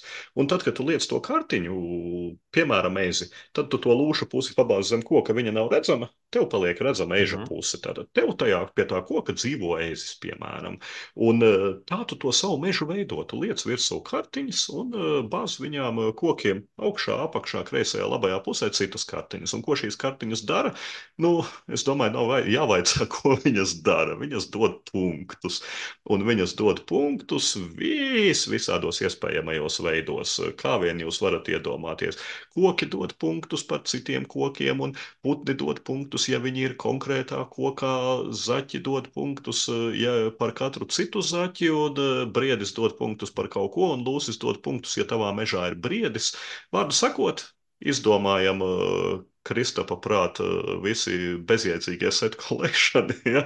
Yep. Te viņi visi ir skaisti, skaisti apkopoti, ka tu veido visādos veidos kolekcijas, un kaut kādā brīdī vienkārši pienāks ziema. Tas ir stilīgais, smieklīgais aspekts. Vienīgais, es teiktu, šai spēlē tāds piestrādātais uh, pie, pie, pie teiksim, tā referencēm, vai ne, gameru vidus referencēm, ka Winter is coming, un, un, un, un uh, kavas beigās ir iemaisītas trīs Winter is coming kārtas, un tad, kad atnāk trešā, tad spēle uzreiz beidzas, nevis kā parasti vēl viens āplis, bla, bla, bla, nē, un tev jau bija iespēja sagatavoties ziemai, divas kārtas jau nācija, atnāk trešā, tad ir cauri, vai ne, un tad, tad, kad atnāk pirmā, tad kāds jau var sēdēt un bubināt visu atlikušo partiju, ka Winter is coming, tad būs ziema, viss piebeidzam savus kokus stādīt, bieži vien vēl trešā arī rakstās Winteris komēdija. Jā, tur tieši tā arī rakstās. Es nezinu, vai viņi tā drīkst. Labs. Varbūt, ka Vācijā drīkst. uh, nu, jā, drīkst, drīkst. Uh, kopējie iespaidi pār Forest Shuffle. Uh, spēle ne mehānismu ziņā, bet pēc identitātes es teiktu, viņi ierakstās turpat, kur Centuries Spice Road vai Golem vai Splendor, no kuriem viens man ļoti patīk, bet otrs šķiet bez gala garlaicīgs, un uh, kurai kompānijai pievienosies Forest Shuffle. Nu, mēģināsim noskaidrot, vai viņš iekritīs mm -hmm. pie mhm. Splendor, what the fuck, vai, vai pie Century. Mm. Vairāk par abām minētajām man Forest Shuffle pat atgādina Fantasy Realms. Varbūt Latvijā ne tik ļoti populāra, bet um, nu, diezgan man, man labi zināma daudz spēlēta, jo praktiski viss Forest Shuffle ir tīrs set collection. Tur ļoti maz ir tā saucamais engine building, kas ir bieži vien centurijā vai splendorā tu veido to savu mehānismu, kā tu pirksi citas kārtas un tā. Šeit tu pārsvarā strādā uz to, ka tu redzi, tas man dos tik punktus, tas dos tik, un šis man ir riskantais uh, punktu vākšanai. Domājam, principā, es teiktu, tāds sushi gaukā piemērs, tu vari savākt dažādus setus, kā punktus vākt. E, ir pozitīvās lietas noteikti, kas man tiešām patika. Pirmais, tiešām man patīk, man patīk tie set collectioni, un tie ir N tie veidi, kā iegūt punktus. Spēles beigās tu tiksi līdz pāris simtiem pat ar klibu ezi un lūšu nokostu briedi. Tiešām tev tur gāzīs punktus pa visām malām. Ja neesi galīgs muļķis, tad tev tā bauda būs, ka tu esi izdarījis to, to, to un šito. Un, e, protams, ka Man patīk tā saucamās multi-use kārtas. Daudz, daudzreiz izmanto, daudzos veidos izmantojamās kārtas, kuras pat vizuāli ir nodalītas, vai ne, ka kurā pusē kokam augšā, apakšā tā kārtas dzīvo, un, un, un tas, ka to ar pašām kārtīm maksā par citām kārtīm, nu, Elegants slēpjas vienkāršībā, vai ne? Ja El Grande bija vienkāršs, jo tur bija tikai kubiņa karte un uh, kartiņas un viens tornis, tad šeit ir tas reducēts vispār. Tikai, tikai kaste ar kārtīm un viss. Um, mīnusi man jāatzīst vairāk ir šai spēlē negatīvās lietas. Nevis par spēles procesu, bet par dažādiem blakus apstākļiem. Pirmais ir tas, ka punktu skaitīšana. Nu, punktu skaitīšana ir piņķerīga un vāja. Nu, tev tiešām tu, tu, tu tur pa visu to galdes izmētājs, un, un tad tu skaiti, ka man par katru koku ir tas un tas, un tad tu skaiti, un tad tu saskaiti tos kokus. Un tad tu pamani, ka, ja tev zem koka dzīvoja kurmis, tad tev bija kaut kas cits, un tad tu sāc atkal pārskaitīt.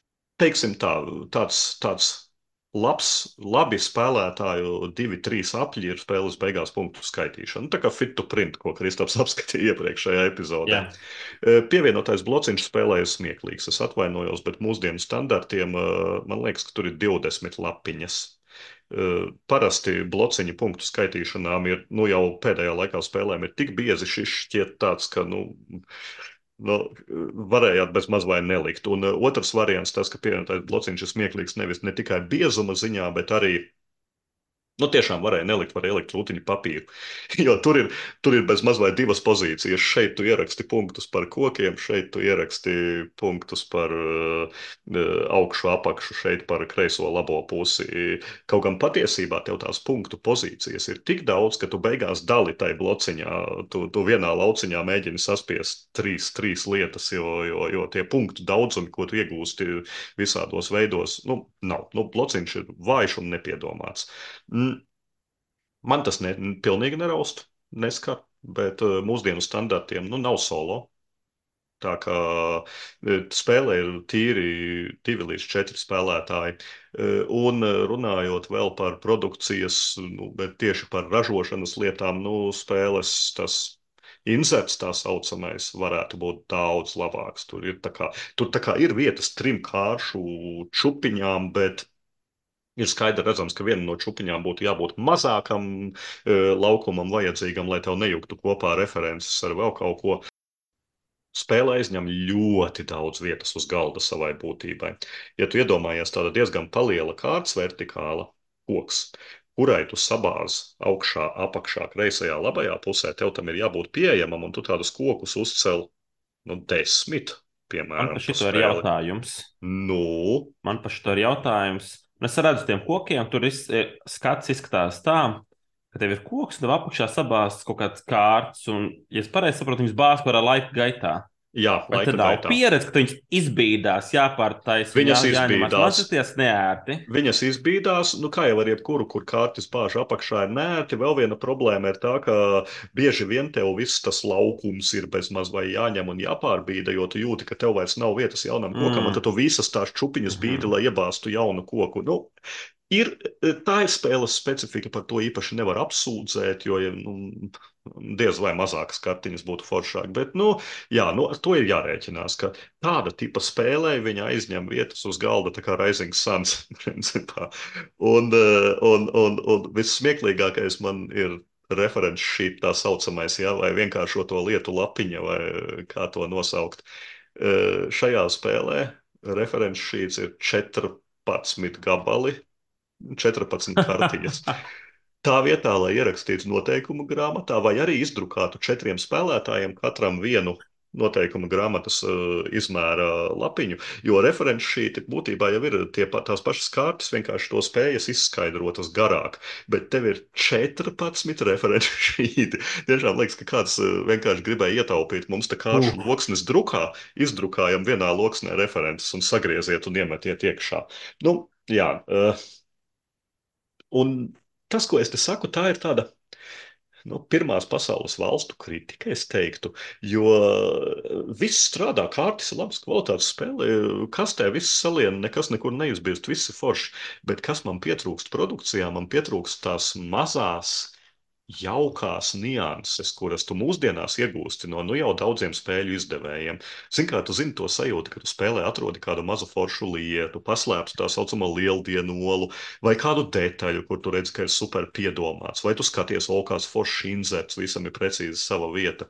Forest Shuffle no Lookout spīle, tas ir tas tā kā, tā kā vācu galdu spēļu izdevēja pragmatisms, tā kā tur Pegasus Queens, ka produkcijas ziņā izdarām minimālo programmu, tev ir labas spēles komponentes, kaut kāds kartona inzerts iesviests, kurš tur varēja būt, varēja nebūt, lai vienkārši pārvedot konteineros, nevāļājas viss pa kasti, sūcām prom uz vācu lielveikalu, vai ne?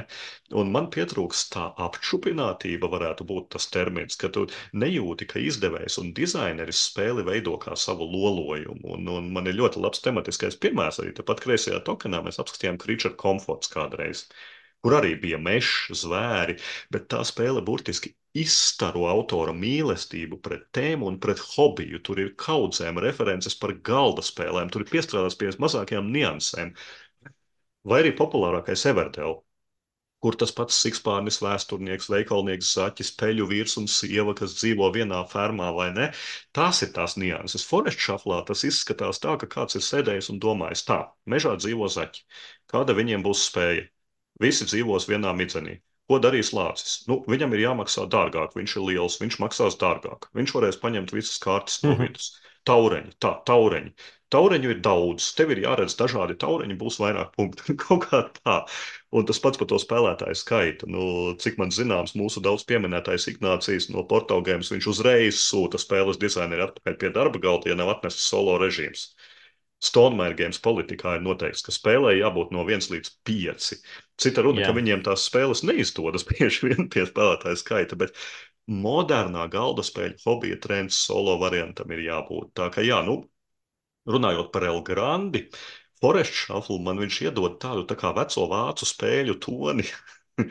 kas nevienmēr ir slikti, jo ir daudzi spēlētāji, kas grib pēc iespējas vienkāršāk, bez visādiem blingiem, Kickstarter veidīgajiem. Dodiet man kastīti ar Race for the Galaxy vai San Juan vai veco El Grandi monopolu izmēra kastē un ļaujiet spēlēt. Pilnīgi vienalga. E, jo, jo par, par, par to punktu skaitīšanu esot digitālais variants Sportgame Arena. Iespējams, ka tur visi tie punkti tiek saskaitīti automātiski. Tas varētu būt daudz vieglāk. Uh, spēles mhm. vadības ziņā. E, bet e, varētu domāt, ka es te ļoti negatīvi visu ko, bet nav, nav, nav tā. Jo, kā jau es minēju, lielākā daļa no šīm manām pukošanās uh, ir saistīta ar tādu produkciju un pišķiņu tādas dvēseles trūkumu, kārtējā dabas spēle un nekā, kas viņu izceltu pār pārējām tematiski, bet mehāniski Jā, dodiet man to setu kolekciju, man to patīk darīt. Vienu, vienu spēlē es vākšu taureņus, citu spēlē es stādīšu kokus, citu spēlē es darīšu vēl kaut ko, spēlēšu uz pārneģiem. Vienu spēlē es atceros, es bliezu zaķus, viņi bija apdzīvojuši, man apsēduši visu mežu, un tad atnāca viena lapsa, kas par katru zaķi deva čupām, čupām punktus. Tad, tad, tad kas tur vēl ir forši sikspāņi, ir riktīgi forši kukaiņi, ir forši tur. Tajā spēlē ir ko izpētīt un ir ko spēlēt. Tā kā, mm, Es nezinu, es svārstos.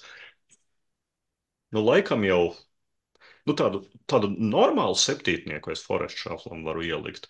Jē. Vairāk man neceļas roka viņam likt, bet tādai īsajai zemes stundas spēlei, kur tu vienkārši bez lielas piedomāšanas, bez čakarēšanas vienkārši e, ņem kartiņas, kaut ko liec un priecājies, kā tev tas mēs šaubu. Man der Forest Šaflu. Zinu, ko es domāju, skatoties uh, uz kartiņām. Cik tev pārsvarā kārtas rokā ir un kā viņš nonāk rokā? Rokās limits ir desmit, un tu sāc spēlēt mm -hmm. sešām. Un nonāk rokās, ka savā gājienā tu dari vienu no divām lietām. Super vienkārši. Vai nu tu ņem divas kārtas, vai nu mm -hmm. uh, tu liec kaut ko galdā un maksā. Jā, es vienkārši iedomājos, ka katra kartiņa ir ar diviem simboliem. Rekur skatos, taurens augšā, ezis apakšā. Jā. Un tur vēl kaut kādi divi simboli iedomājos to pieredzi. Ja, piemēram, tu Toms ar sievas kundzi ir izspēlējis piecas reizes, un es atnāku tajā spēlē, un man liekas, holy shit, kas te notiek? Man atnāk sešas kārtas, varēs par 12 kārtas, un man liekas, tur jaunam spēlētājam ielikt iekšā ir, uh, ir nē. diezgan, es teiktu, diezgan nomocoši. Ne? Gamerim nekādā gadījumā, jo gameris mhm. saprot uh -huh. lietas. Es teiktu, vientiesim, jā, viņš tur teiktu ārprāts, kas te par šausmām. Bet nu, gameris, saprot, gameris saprot, kas ir tagi vai ne. Nu, kurā cik spēlēs tie paši veco labo terraforming Marsu piesaucam. Nu, tev ir skaidrs, ja tev ir divas ikoniņas uz, uz tās kārtas, nezinu, uz taureņa ir taureņa ikona un kukaiņa ikona, mm. tad ir skaidrs, ka kaut kur viņas būs referencētas uz citām kārtīm, ka par katru kukaiņu tu dabū tik punktus, par katru to tu dabū tik punktus. Tanī brīdī, kad tu saproti, ka Forest Shuffle vienkārši ir entās kombinācijas ar dažādām uh, set Nu, tad arī tie tagi kļūst ļoti. Tu, tu, tu, tu viņam nedomā, tu saproti, ka šis tags kaut kur man viņu prasīs. Viss, tā, tas, tā tas strādā. Šo piedāvāt arī mūsu analīzes paralīzes draugiem, vai tu bišķi kraustītos?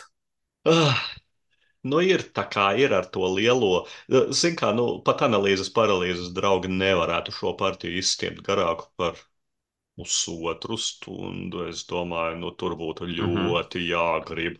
Tā kā tik traģiski nav. Nu, labi, es, es nevienu spēli negribu viņiem piedāvāt. Es viņiem negribu spēlēt īsti, būsim godīgi. Fit to print, fit to print. Jā, nu, tikai real time, bet tur atkal jā, viņi varētu jā. negribēt spēlēt ar mani. Tā kā jā, jā. jā. Nu, Es pieņemu, ka tur daudz foršas lietas. Man tā dzīvnieku tēma un tas stāstījums nu, man, man īsti nenopārdevu. Teikšu godīgi, iespējams, ja tur būtu senie romieši, ai, labs un vilku vietā, tad jā. Jā, jā, bet cik tā viņi būtu dažādi, tā, jā, no, tad tur būtu jādomā savādāk. Beigās tu nonāktu pie Glorija Rome čudika. Es, es nesen tāda. ģenerēju Brutu un Pompeju ar mākslīgo intelektu, un viņi normāli džeki sanāca, tur saģenerēja vēl uh, krass un tā tālāk. Cēzara tad viss notiek. Jā, jā, jā. Kra, krasus dzīvo kokam augšā, Cēzars guļ apakšā, un galli skraida pa mežu un nocērt visus, jā, jā, visus jā, jā. briežus vai plebējus. Jā, nu, tāds, tāds viņš ir Shuffles. Es domāju, no tāda tipa spēlēm viegli uztverams, un man viņš, jā, tā, tā es teiktu, ierakstās tajā pašā kategorijā, kur Centuries un Splendors, tikai tajā pusē, kur man patīk, nu, pie tā centurija vairāk, nevis, nevis pie splendora. Un vēl mums ir palicis pats zelts. No zelta tokenus jau mēs izdalījām patiesībā, kāds tur zelts. Bet mūsu šajā piektās sezonas pirmās epizodes, kuru mēs ceram, ka klausīsies jaunie klausītāji, ka Spotify viņiem ieteiks, vismaz es tā Spotify pateikšu, lai viņš iesaka jauniem klausītājiem šo sēriju. Mm -hmm. Ko vēl vairāk par mums jūs varat uzzināt, kā mūsu katra desmit mīļākās, iecienītākās visu laiku spēles, lai pēc tam attiecīgi oh, varētu arī ar kritisku aci vērtēt kurš no mums ir tukšu salmu kūlējs un kurš ir rīktīgs gameris. Vai arī labākajā gadījumā, ka mēs abi esam rīktīgi gameri, vai ne? Jā, jā. Un ka jūsu jā. gaumas sakrīt ar mums pilnībā. Nu, nezinu par Kristapu, nē, viņš nav spēlējis manā topā, nebūs Bloodone Clock Tower, nebūs, es domāju, diezgan daudz, kas nebūs no iecienītām un, un, un cilvēkiem mīļām spēlēm, bet manā topā jā, tā kā... desmit lieliskas spēles, es par to pilnīgi nešaubos. Domāju, ka kaut kas tur normāls arī būs. Jā, nu, kaut kas tāds - kāds zelta tokens iebirs. Varbūt pat kāds zelta tokens iebirs. Jā, nu nevarētu būt, mm -hmm. ka divi tas būtu dīvaini. Es izrādās, esmu baigais jaunais kultists. Esmu. Es skatos to savu topu. Man ir četras spēles, top 10, kas ir baigas svaigās. Oho, nu, tā kā nu baigas svaigās. Kā Kul, es esmu jaunuma kults, un es esmu hipokrāts. Jo klausītāji, kas klausījās sākumā, dzirdēties, ka man patīk tur elegants spēles, kas nav pārbaudīts, nav parādot noteikumus. Šeit mums ir viena tāda. Nu, viena, viena tas ir normāli. Atkāpe no normas, tā ir, viss ir kārtībā. nu jā, un ņemot vērā, ka šis ir top 10, un jūs jau dabūsiet divreiz vairāk kā no mums parasti, es nekādus godājamos pieminekļus un pieminēšanas vērtus netaisīju. Es pieņemu, ka arī tu nekādu tādu es negribi. Varētu apmēram 40 nosaukt pieminējumus. Protams, tieši ilgi. Tā. Bet top 10 ir top 10. Un es sākšu. Es sākšu Aiziet. ar uh, spēli, kura visu laiku grozās ap manu top 10 robežu, un šogad viņa atkal ir top 10. Niekā, un tā ir Flamrūža. Riteņbraukšanas oh. simulators, kuru Kristaps spēlē ar savu puiku mazo. Es Ziemassvētkos izspēlēju divreiz, tas bija reāli forši. Pie radījuma aizbraucām. Tas ir pirmais punkts, ko esmu pierakstījis pie Flamrūža. Uh, vienkāršība. Tā spēle tiešām ir tāda, kuru var, kuru var, nu, ja cilvēks piedomā, tu vari viņu iemācīt bērniem vai, vai pat vientiešiem, bet tajā pašā laikā tā nav primitīva spēle. Tā ir uh, spēle, kurā tās darbības, ko tu dari, ir gana vienkāršas, bet viņas tev rada baudu. Es piekrītu, kādam tur varbūt bauda rada splendors, bet uh, man, man vairāk patīk šis uh, negaidīti augsts tematiskais līmenis. Tiešām tas, kā riteņbraukšanas sacīkstē notiek, visi ielien viens aiz otra, ķer aizvēju. Tā tie, kuri vēl grupu pa priekšu, tiem ir grūtāk. Pret kalniem ir, tu nevari taisīt pātrinājumus, no kalniem tu vari tieši. Tas ir tāda līmeņa spēlē, es teiktu, ļoti augsta tēma. Un man patīk arī tas, ka ir iespējas izmantot situācijas, kuras rada citi spēlētāji, un kas ir pats galvenais – relatīvi viegli pārredzama prognožu fronte. Praktiski visu tu redzi uz galda. Jo arī smagajos eiro tu vari prognozēt, ko darīs citi spēlētāji, bet ne sīkās detaļās, jo iespēja ir daudz. Flamrūšs Viņš ar savu vienkāršību ļauj tev justies gudram, kad tu tikai nedaudz paskaiti un izdomā, ah, tas pretinieks tur brauks visdrīzāk ar 4, 5, es braukšu ar 2 vai 3 kārti, un pēc tam es eh, pievilkšu viņam klāt pavējā. Un tu korekti noprognozē, ko dara pretinieki, un tas dod to labo jušanu. Bet kopumā tāda vienkārši izcila stundas uh, pavadīšanas spēle bez superdomāšanas, bet ar baudu, ka tu kaut ko izdari, ar baudu, ka tu kaut ko plāno, un pat ja tu neuzvari, tad tāpat uh, pēc tam tev šķiet, o jā, nu bija interesanta sacīkste, un, un, un lai cik tas nebūtu dīvaini, katra sacīkste ir savādāka. Un spēles kastē arī piedāvā kādas 5, 6 dažādas trases. Tā kā lielisks, lielisks komplekts par to cenu. Flamrūžu. Lieliski, manuprāt, forši. Un katrs ir citādāk, un pieredze palīdz. Kad paskaties trases, zini, ka tur beigās nevajag sataupīt devītnieku, jo tur ir kalns. Mm. Tu jau esi priekšā. Jā, jā. Okay. Desmitā vieta man ir pilnīgi otrā grāvī no Flamrūža. Uh, tas ir gada jaunums, man arī viens no jaunumiem, un tas ir nekas cits kā anakronija kas ir lielā mega laika ceļošanas spēle, kas patiesībā ir diezgan vienkārši. Strādnieku izvietošanas variants, kur tu sūti strādnieku uz centrālo laukumu, kur viss sacenšas pēc mājas, tu sūti strādnieku savu laukumu. Un tur ir šādi tādi interesanti mehānismi. Tas, ar ko spēle tiek pārsvarā pārdot, ir par ceļošanu laikā, kas vairāk vai mazāk tā došanas parāds. Bet tas, kas man visvairāk patīk, ir tā limitācija. Tev tiešām ir jāizdara izvēles, tām izvēlēm, ko tu izdari, kur māju uzbūvē, to tam jāsadzīvo uh, visu spēli. Tās frakcijas ir diezgan, diezgan asimetrisks, un tev ir katru raundu jāpieņem nopietni smagi lēmumi. Ko tu darīsi, kā darīsi, ko sūti ārā, kā ar limitētiem resursiem izdzīvot. Tiešām es jūtos tādā post-apokalipsē, ka nav tā, ka birst resursi no visas mala, no visām malām, un viss ir diezgan limitēti. Tā kā es esmu izspēlējis jau vairākas reizes, un man patika visu laiku tā pieaug un pienāk pieaug. Pie tam priekš tās spēles grūtības uh, viņi ir diezgan vienkārši iemācīti, manuprāt. Nu, jā, nav, nav super grūti droši vien. Anakronijas. Tas ir 4,02. Jā, jā pie tā. Viņš, paliek atmiņā kā diezgan sarežģīts un, un, un, un, un gana, gana eiroīgs dziļš piedzīvojums, pavisam noteikti. Man mm -hmm. devītajā vietā ir arī tāds eiroīgs piedzīvojums, un uh, tas ir vienīgais mans Stonemaier games topā, un uh, tas ir Euphoria, Build a Better Dystopia jeb eiforija, vienkārši izsakoties. Un uh, pirmais, kas piesaista mani pie šīs spēles, ir tēma.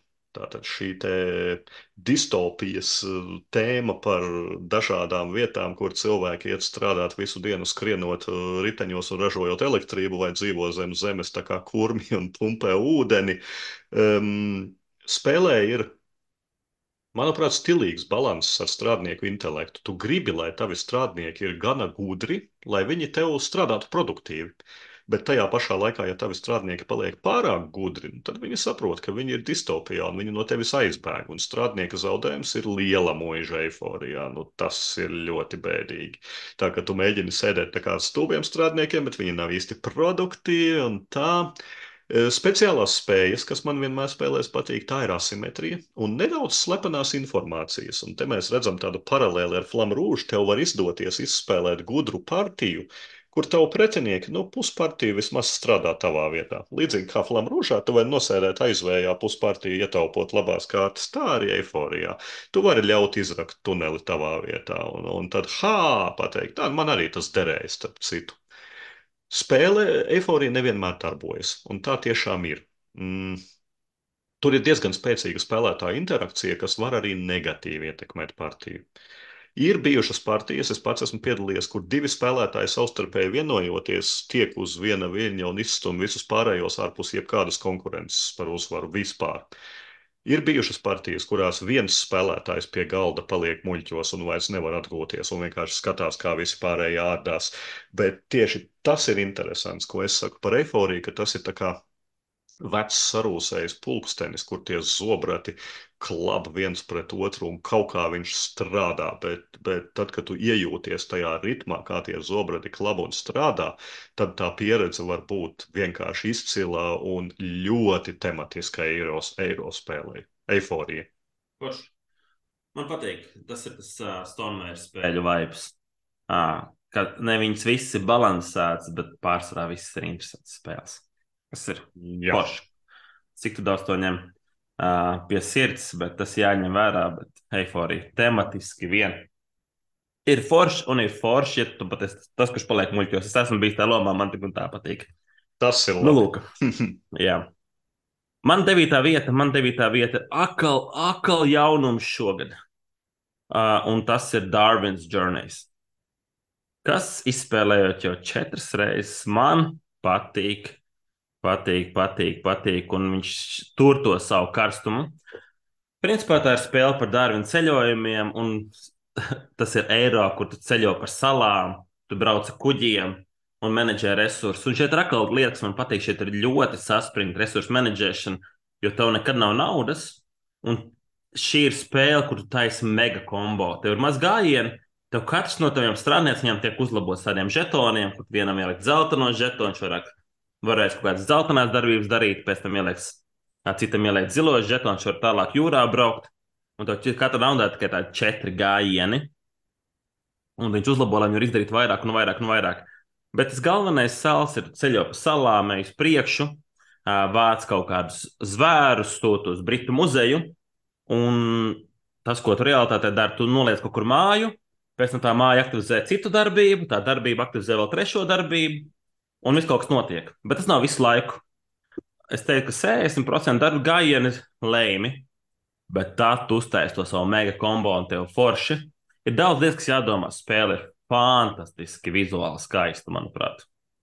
Un arī priekš tā dziļuma noteikumi nav tik traki. Ja tu zini, ko tu dari, zini, ko tu stāsti, viņi ir ļoti ok. Un tā spēle man sākumā nelikās tik labi. Mēs ar viņu apskatījāmies pagājušajā sezonā.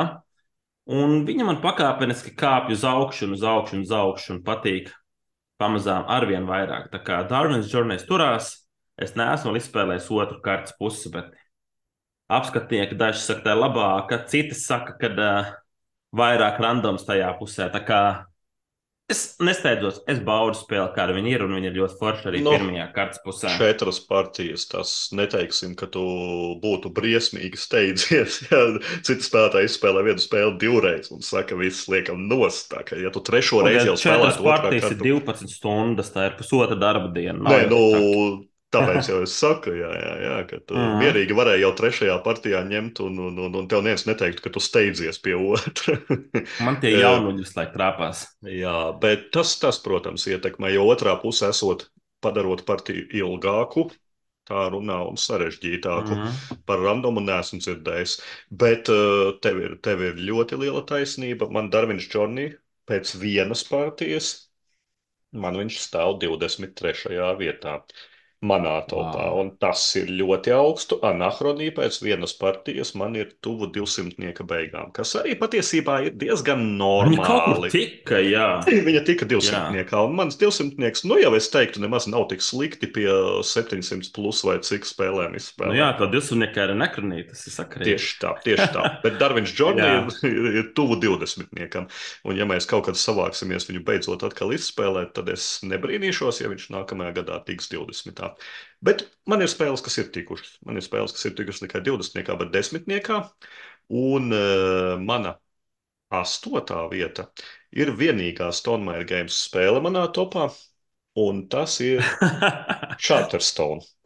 Patiešām tas ir Legacy's Charterstone, kuru es neesmu spēlējis jau vairākus gadus, bet viņš krīt. Es skatos šeit sev Excelī, viņš ir bijis 4. vietā kādreiz, nu tieši spēlēšanas gados un tad viņš slīd uz leju. Es uh, pilnīgi saredzu, ka, ja mēs ar Kristofu izrambājam vēl kādas pāris reizes Darvins Džordniju un vēl kāds ieiet desmitniekam, tad Čatestons no turienes ir ārā. Bet viņš joprojām ir astotais man, man, man topā un uh, nu, vienīgais legasīs gandrīz vai par to pie pirmās vietas vēl parunāsim, kas ir legasīs, kas nē. Bet eh, kas ir interesanti, Charterstons ir nevis kā legasīs, man viņš patīk kā labs kvalitatīvs eiro. Manā sarežģītības grupā tajā tāds uh, tieši vidējs un varbūt bišķiņu virsvidējs. Uh, ar atklājumu elementiem, kā jau legasīs spēlēs pieņems attaisām kastītes, ū, kas tur foršs, ja dažādu tipu strādnieciņi, un, un, un visādas maiņas, ko tu vari būvēt. Tu vari domāt savu zinēju, ko tu darīsi, lai tu visu katru partiju darīsi kaut ko citu vai nē. Kampaņu esmu izspēlējis divas reizes un ļoti labprāt darītu to vēl, kas jau ir laba zīme Legacy spēlē. Kas nav jāgaida no Charterstona, nav jāgaida tematiskais piesitiens. Nu, tas nebūs liels. Tu dabū foršu, interaktīvu eiro ar bišķiņu stāstu aizmugurē, bet tas stāsts būs mazāk interesants kā lasot bērnam vakarā grāmatu. Tas ir skaidrs. Bet, jebkurā gadījumā, joprojām izspēlēs Legacies man ir astotajā vietā Charterstone. Forši. Es izspēlēju puskampaņu, man liekas, sešas spēles, un tad sāka dzimt bērni. Un es nezinu, mēs kādreiz atgriezīsimies tajā kompānijā, un es nezinu, vai es gribu atgriezties. Bet, uh, ja to man pateiks, redz, kas tur var patikt. Vispār. Uh, man astotā vieta ir atkal, atkal jaunums. Atkal jaunums. Par to man es izdevu gan gadu iepriekš, 22. gadā. Man būtu jāpaskatās. Un tā ir arī kampaņas spēle. Tā kā mums tā kā maziņš crossovers. Un tas ir spēle, ko es esmu pieminējis vismaz trīs vai četras reizes topos un tas ir Undaunted Stalingrad. Šobrīd kampaņā esmu izspēlējis astoņas no provizoriskas 16 scenārijiem, un tas tik bijis uh, jaudīgs gājiens. Principā Undaunted spēle ir kara divu spēlētāju spēle, kur tiek būvēta kava, par laukumu pārvietojas karavīru žetoni, un tad uh, tik cik tev ir iebojis kavā tā karavīra skvadu žetons, tik tev ir iespējas to kavu aktivizēt. Tā ir kavas veidošanas spēle, principā ar tādu uh, wargame, jau kara spēles elementiem. Bet Staļingradā tie elementi nāk tādi, ka pēc katras kampaņas spēles ir ievienotie, kas uz visu spēli paliek draņķīgāki. Man, piemēram, situācija, ka man ir ievienots tanks, un divreiz tanki vispār lido ārā. Tev tas kava mainās spēle no spēles, un katra misija ir ļoti interesanta. Tev vienā brīdī jāaizstāv kaut kas, vienā brīdī tev lidmašīnas lido pāri, citā brīdī sniper kaut ko dara, un tā tālāk, citā brīdī kaut kas jāieņem, ir super forši.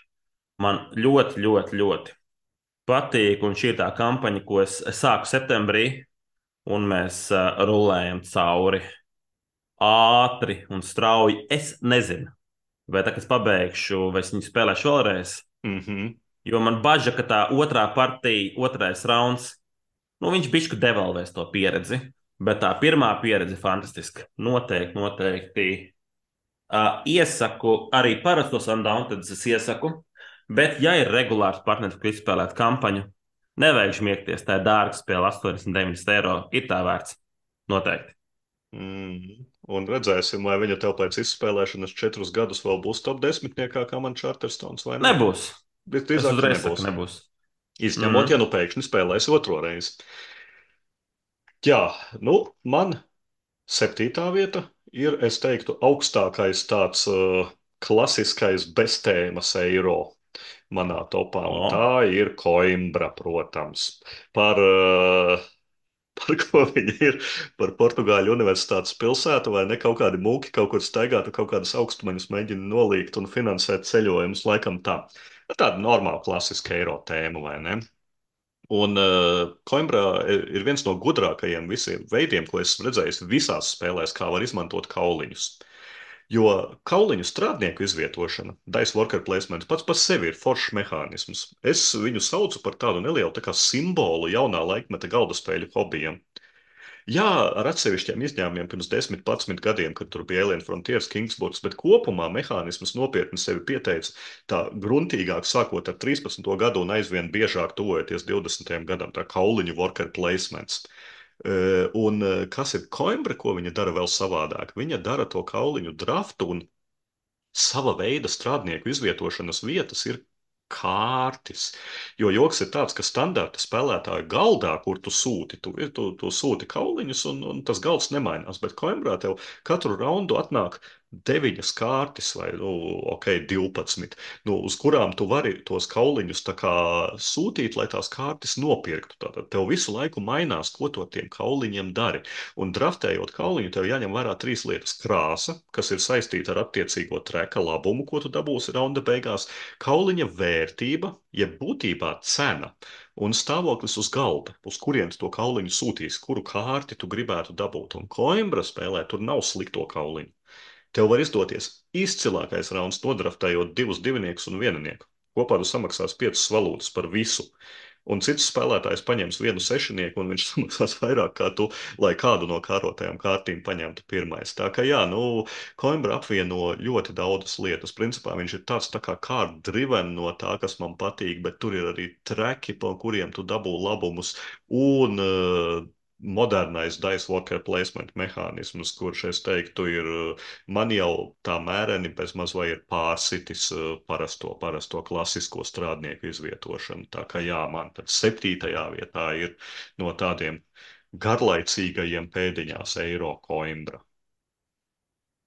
Jā. Šī ir itāļu mafijas spēle. Man ļoti patīk koimbra vienmēr gatavs spēlēt, nevienmēr viņu dabū galdā. Diemžēl. Ne visi viņu zina. Viņa nav iegūsta tādu mega popularitāti. Lai arī beigā gāvieta ir augsta, bet tādas mega popularitātes nav. Nav. Bet lieliski, lieliski spēle. Ļoti, ļoti patīk. Un, jā, bet, nu, iesim man septīto vietu. Man septītā vieta ir biežākais salīdzinājums ar uh, jau bieži mūsu epizodēs aprunāto terraforming Mars un arī ar Knovu un no visām šīm trim spēlēm man šis patīk visvairāk. Uh, man patīk arī Arknova, bet es to uzskatu, ka man ir 27. vietā. Es uzskatu, ka tā ir Borgiem arīna spēle, kur, um, ja tu izspēlēsi, ka tos visus resursus sarēķina automātiski un viss ir tavā vietā, tad īsti negribās iet atpakaļ. bet uh, man 7. vietā ir Underwater Cities.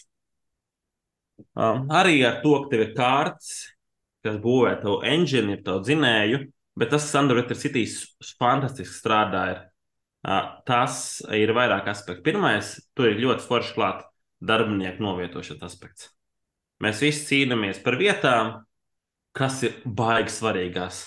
Un tas pamata elements, mehānisms ir tāds, tāds ka ir oranžās, zaļās un sarkanās vietas, kur, ja izspēlē tādas pašas krāsas kārti, var darīt gan kārtas darbību, gan tā vietas darbību. Un tev ir visu laiku trīskāršu ierobežojums, kas tev liek domāt, pāris ir itīgi darīt oranžo darbību, man tikai zaļās kārtas. Vai es atsakos no tā bonusa vai neatsakos, un tu nepārtraukti žonglē menedžē, un dari to trīs gadus. Un tas, kas šeit ir ļoti gudri izdarīts, ir trīs, mm, trīs ciklus. Ir izdarīts tas, ka uh, trīs cikli sadalīti kāršu kavās. Ir pirmais cikls, kur tāds sākuma engine uzstādīšanas kārtas, pēc tam ir otrais cikls, kāds vidusspēles, viduskārts, un trešais cikls, kur jau nākotnē arī punktu kārtas un vispārējais. Un tas ritīgi labi strādā. Uh, un jā, tas ir super loģiski, ka viss kārtas ir noderīgs un to no tās triviālās izvēles. Nu, šito es nevaru uzbūvēt, tas man nav svarīgs, man nenotiek. Tev visu laiku ir izvēle, ok, tos kā varētu, tos nevarētu darboties uz priekšu, un tu būvē to savu pilsētu, zemūdens izplaties, ražo vairāk un domā, kādā virzienā tu iesi. Vai tas tev skoros punkts, vai citas lietas skoros punkts. Man patīk, es um, pirms nedēļām, divām izspēlēju atkal, un tops gan bija pirms tam jau taisīts, un ir forši. Ir ļoti forši. Underwater City 7. vieta. Jā, trīs kāršu limits besī bet spēle ir forša. katram, katram savs, jā. Tas Man gan. Ir sestā vieta, un mana sestā vieta ir vienīgā mana Stonemail Games spēle topā. Un tas ir zelta tokena, pirmā zelta tokena laureāts Viticulture Essential Edition, kurš, skatot salīdzinot ar iepriekšējiem gadiem, ir pakāpies vēl augstāk, kā viņš ir bijis līdz sestajai vietai. Uh, ļoti, ļoti lieliska spēle. Nevelti viņa dabūja pirmo zelta tokenu, un es teiktu, tāds fantastisks piemērs, kā radīt uz kāršu dzinēju balstītu spēli, kur spēlētāji nejūt, ka tā ir kāršu spēle. Ja es prasītu Kristapam, kas ir viticulture, viņš teiktu, šmuļķīgs jautājums. Tad bērnu dārznieki zina, ka viticulture ir worker placement, un viņam būs taisnība. Tas ir worker placement. Jā. Turklāt izcils. Tikai aiz muguras īstais masterminds aiz tā worker placement ir kāršu dzinējs. Pat tad, ja mēs atmetam vasaras un ziemas ciemiņus, kas ir milzīga spēles daļa, bez vīnogulējiem un bez pasūtījumiem, nu tu vari ar strādniekiem staigāt pa galdu un blenst uz vecām dzirnavām un iznīkušiem laukiem. Uh, viticulture dod eh, gan tēmu, gan mehānismus. Izcila sinerģija, izcila kombinācija. Tur nav īpaši vairāk ko piebilst. Un mana sestā vieta, starp citu, kāpēc viņš kāpīja, tas ir Viticulture World paplašinājums, kurš ir ļoti labs. Super. Lieliska spēle. Runājuši tom vārdiem. Man vienīgā Fistera spēle, Aleksandra dizainera Aleksandra Fistera spēle, manā topā ir sastajā vietā Blackout Hongkong. Kas uh, izrādās man arī patīk. Uh, dažādi veidi lietot kārtas, bet kas man patīk to vairāk, man patīk ļoti spēlēt limitācijas. Skatos to top, man patīk, ka kaut kas ir ierobežots. Un šī spēlē, principā, mēs atjaunojam elektrību Hongkongā, bet tas, ko mēs, mēs darām, mēs liekam kārtas vienā no trim kolonnām, tad atklājam visas trīs kārtas, varam darboties. Un to garāko kolonu pie nosacījumiem mēs varam raunda beigās savākt atpakaļ un ko darīt tālāk.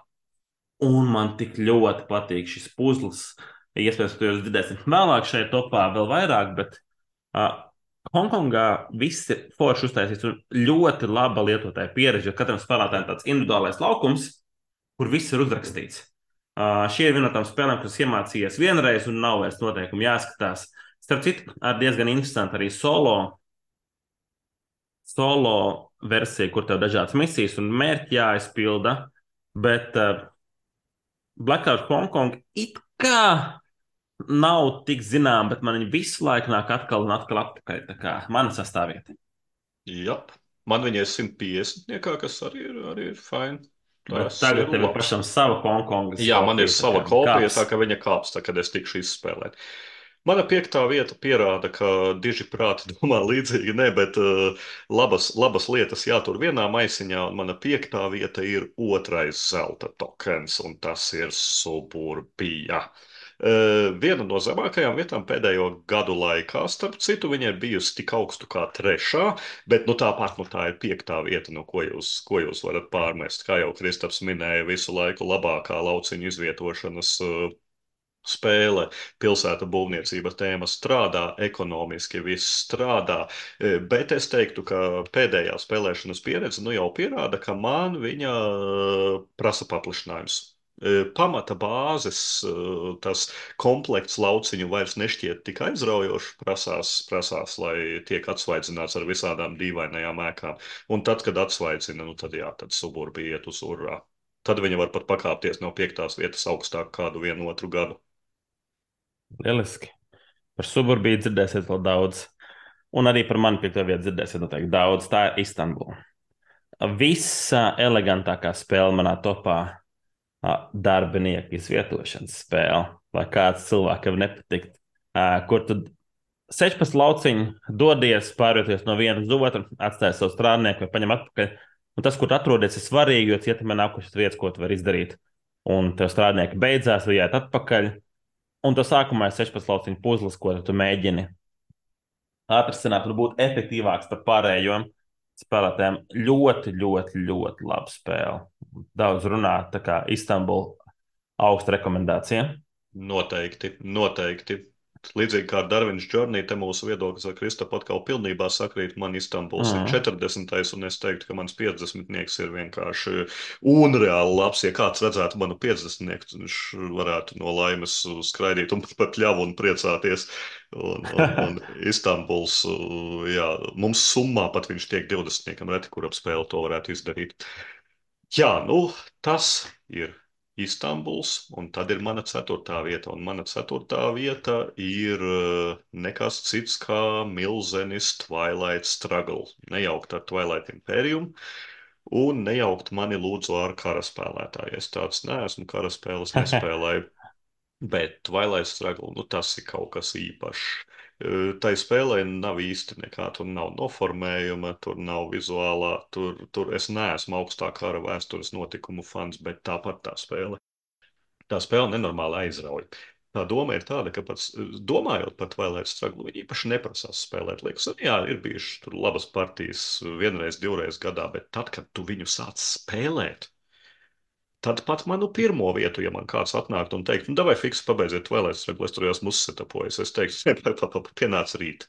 Tad, kad tu sāc spēlēt Twilight Struggle un tiešām izdzīvo to augsto karo ar šo kartiņu mehānismu, eh, tad tu negribi atiet ne uz minūti. Tu pat, tu pat čurāt negribi iet. Tev, tev tas, tas mežģis, tas rēbus, ko tev piedāvā tā kārtas roka katra raunda sākumā, tev šķiet, jā, nu pabeigsim šo raundu un varbūt turpināsim rīt. Nē, tu gribi kaut vai no nākamā raunda apskatīties kartiņas un tad ejot gulēt, domāt, tā man ir jāspēlē pirmajos trīs gājienos, tās pēc tam tās un tā tas vienkārši nereāli lieliska pieredze. Un uh, Twilight Struggles man atkal pēc kādas partijas ir uzkāpis uz vienu no augstākajām vietām vēsturē. Tā ir ceturtā.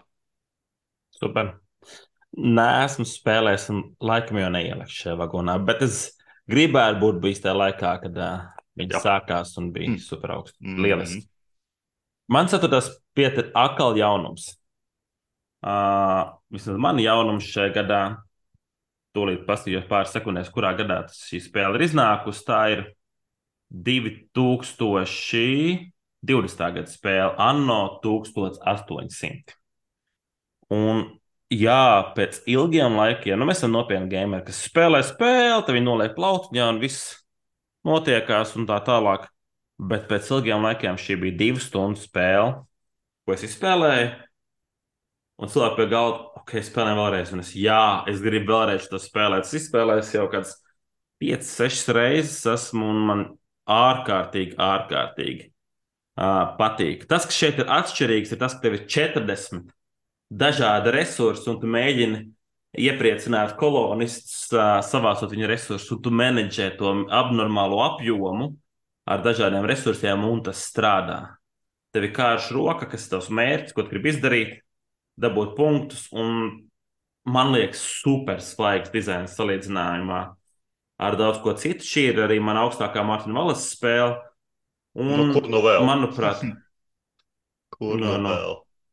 Jā, jā, jā. Nu, Brāzis jau varētu būt augstāk, bet nav. Brāzis ir no, 12. Jā. Bet, uh, mm. Anno 1800 man bija milzīgs pārsteigums. Es esmu milzīgs šīs spēles fans un epizodēs arī viņi pa laikam parādās. Tā kā, jā, ceturtā vieta ir stilīgs piesitiens, un no, jā, man bišķiņ tie resursi tur ir pa daudz.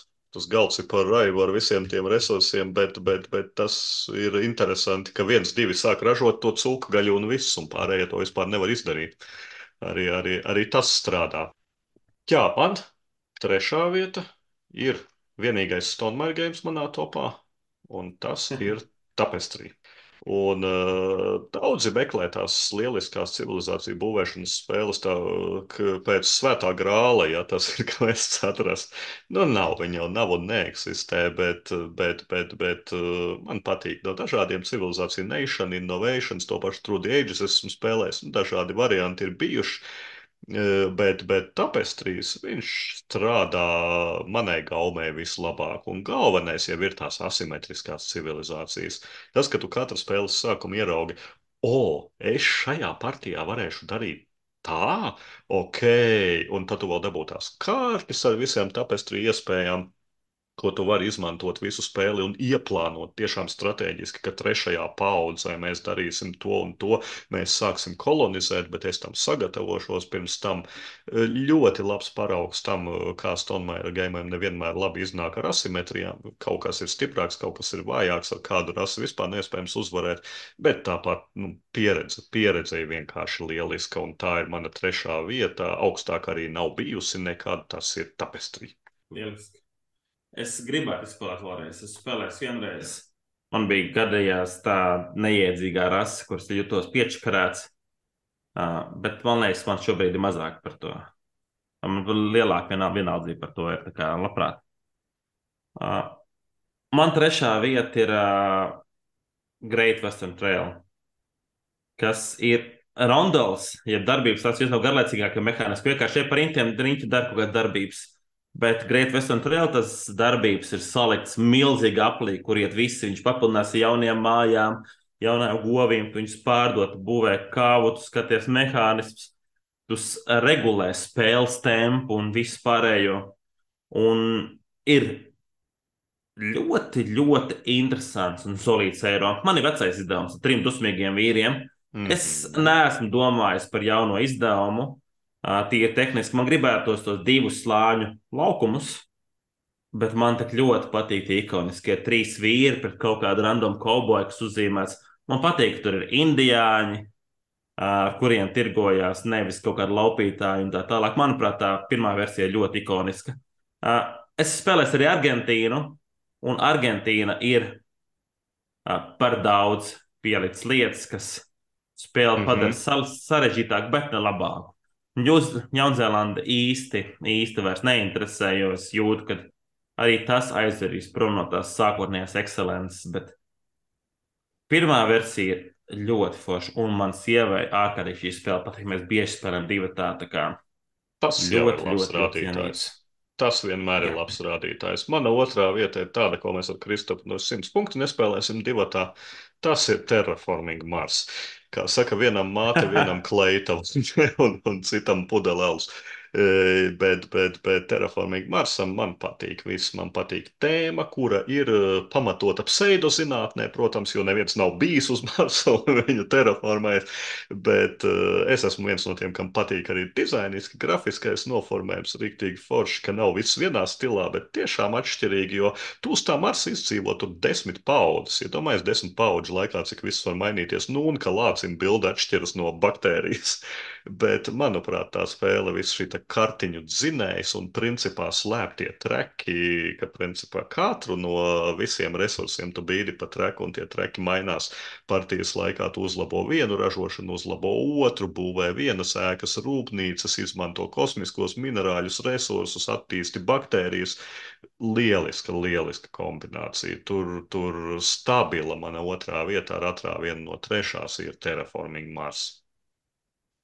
Mana otrā vieta ir uh, kaut kas ļoti līdzīgs Blackout Hongkong, tikai labāks, kas ir Mombas, kas, manuprāt, ir labākā Aleksandra Pistera spēle. Un tas ir par Āfriku, par dimantu ieguvu Āfrikā, par kokvilnas ražošanu Āfrikā, ar ļoti kontroversiālu tēmu, kas patiesībā vispār nav kontroversiāla.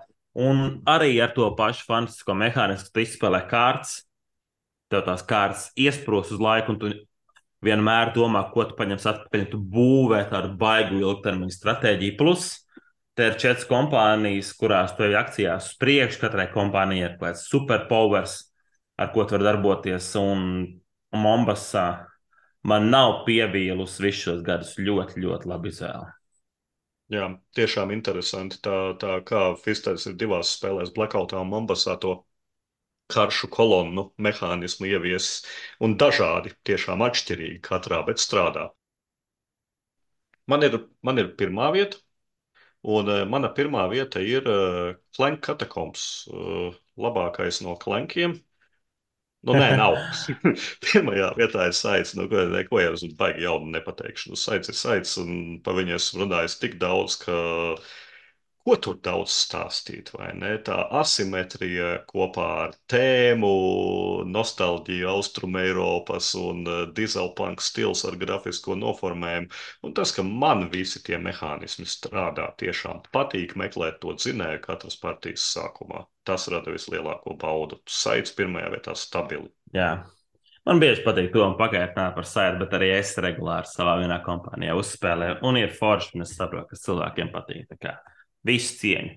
Man pirmā vieta pēc kāda laika ir atgriezusies zobratu griešanas spēle Zolkins, mm -hmm. kur pamatmehānisms ir laika menedžments. Tev ir mērķi, tu menedžē laiku, kā viņi griežās. Uh, zobrata lietas strādnieciņš, viņi iet uz priekšu, un kur tu noņem tabu bonus punktus un resursus. Fantastiski, nekas tāds tik kvalitatīvi nav atkārtots, un es izspēlēju un saprotu, ka jā, šī ir man ļoti, ļoti, ļoti forša spēle. Ir. Joprojām. Joprojām. Jā, nu, es teiktu, mēs esam norukājuši līdz pēcpusnaktī. Paldies klausītājiem par pacietību. Tā, tā. Vislabāk! Laimīgi jauno gadu!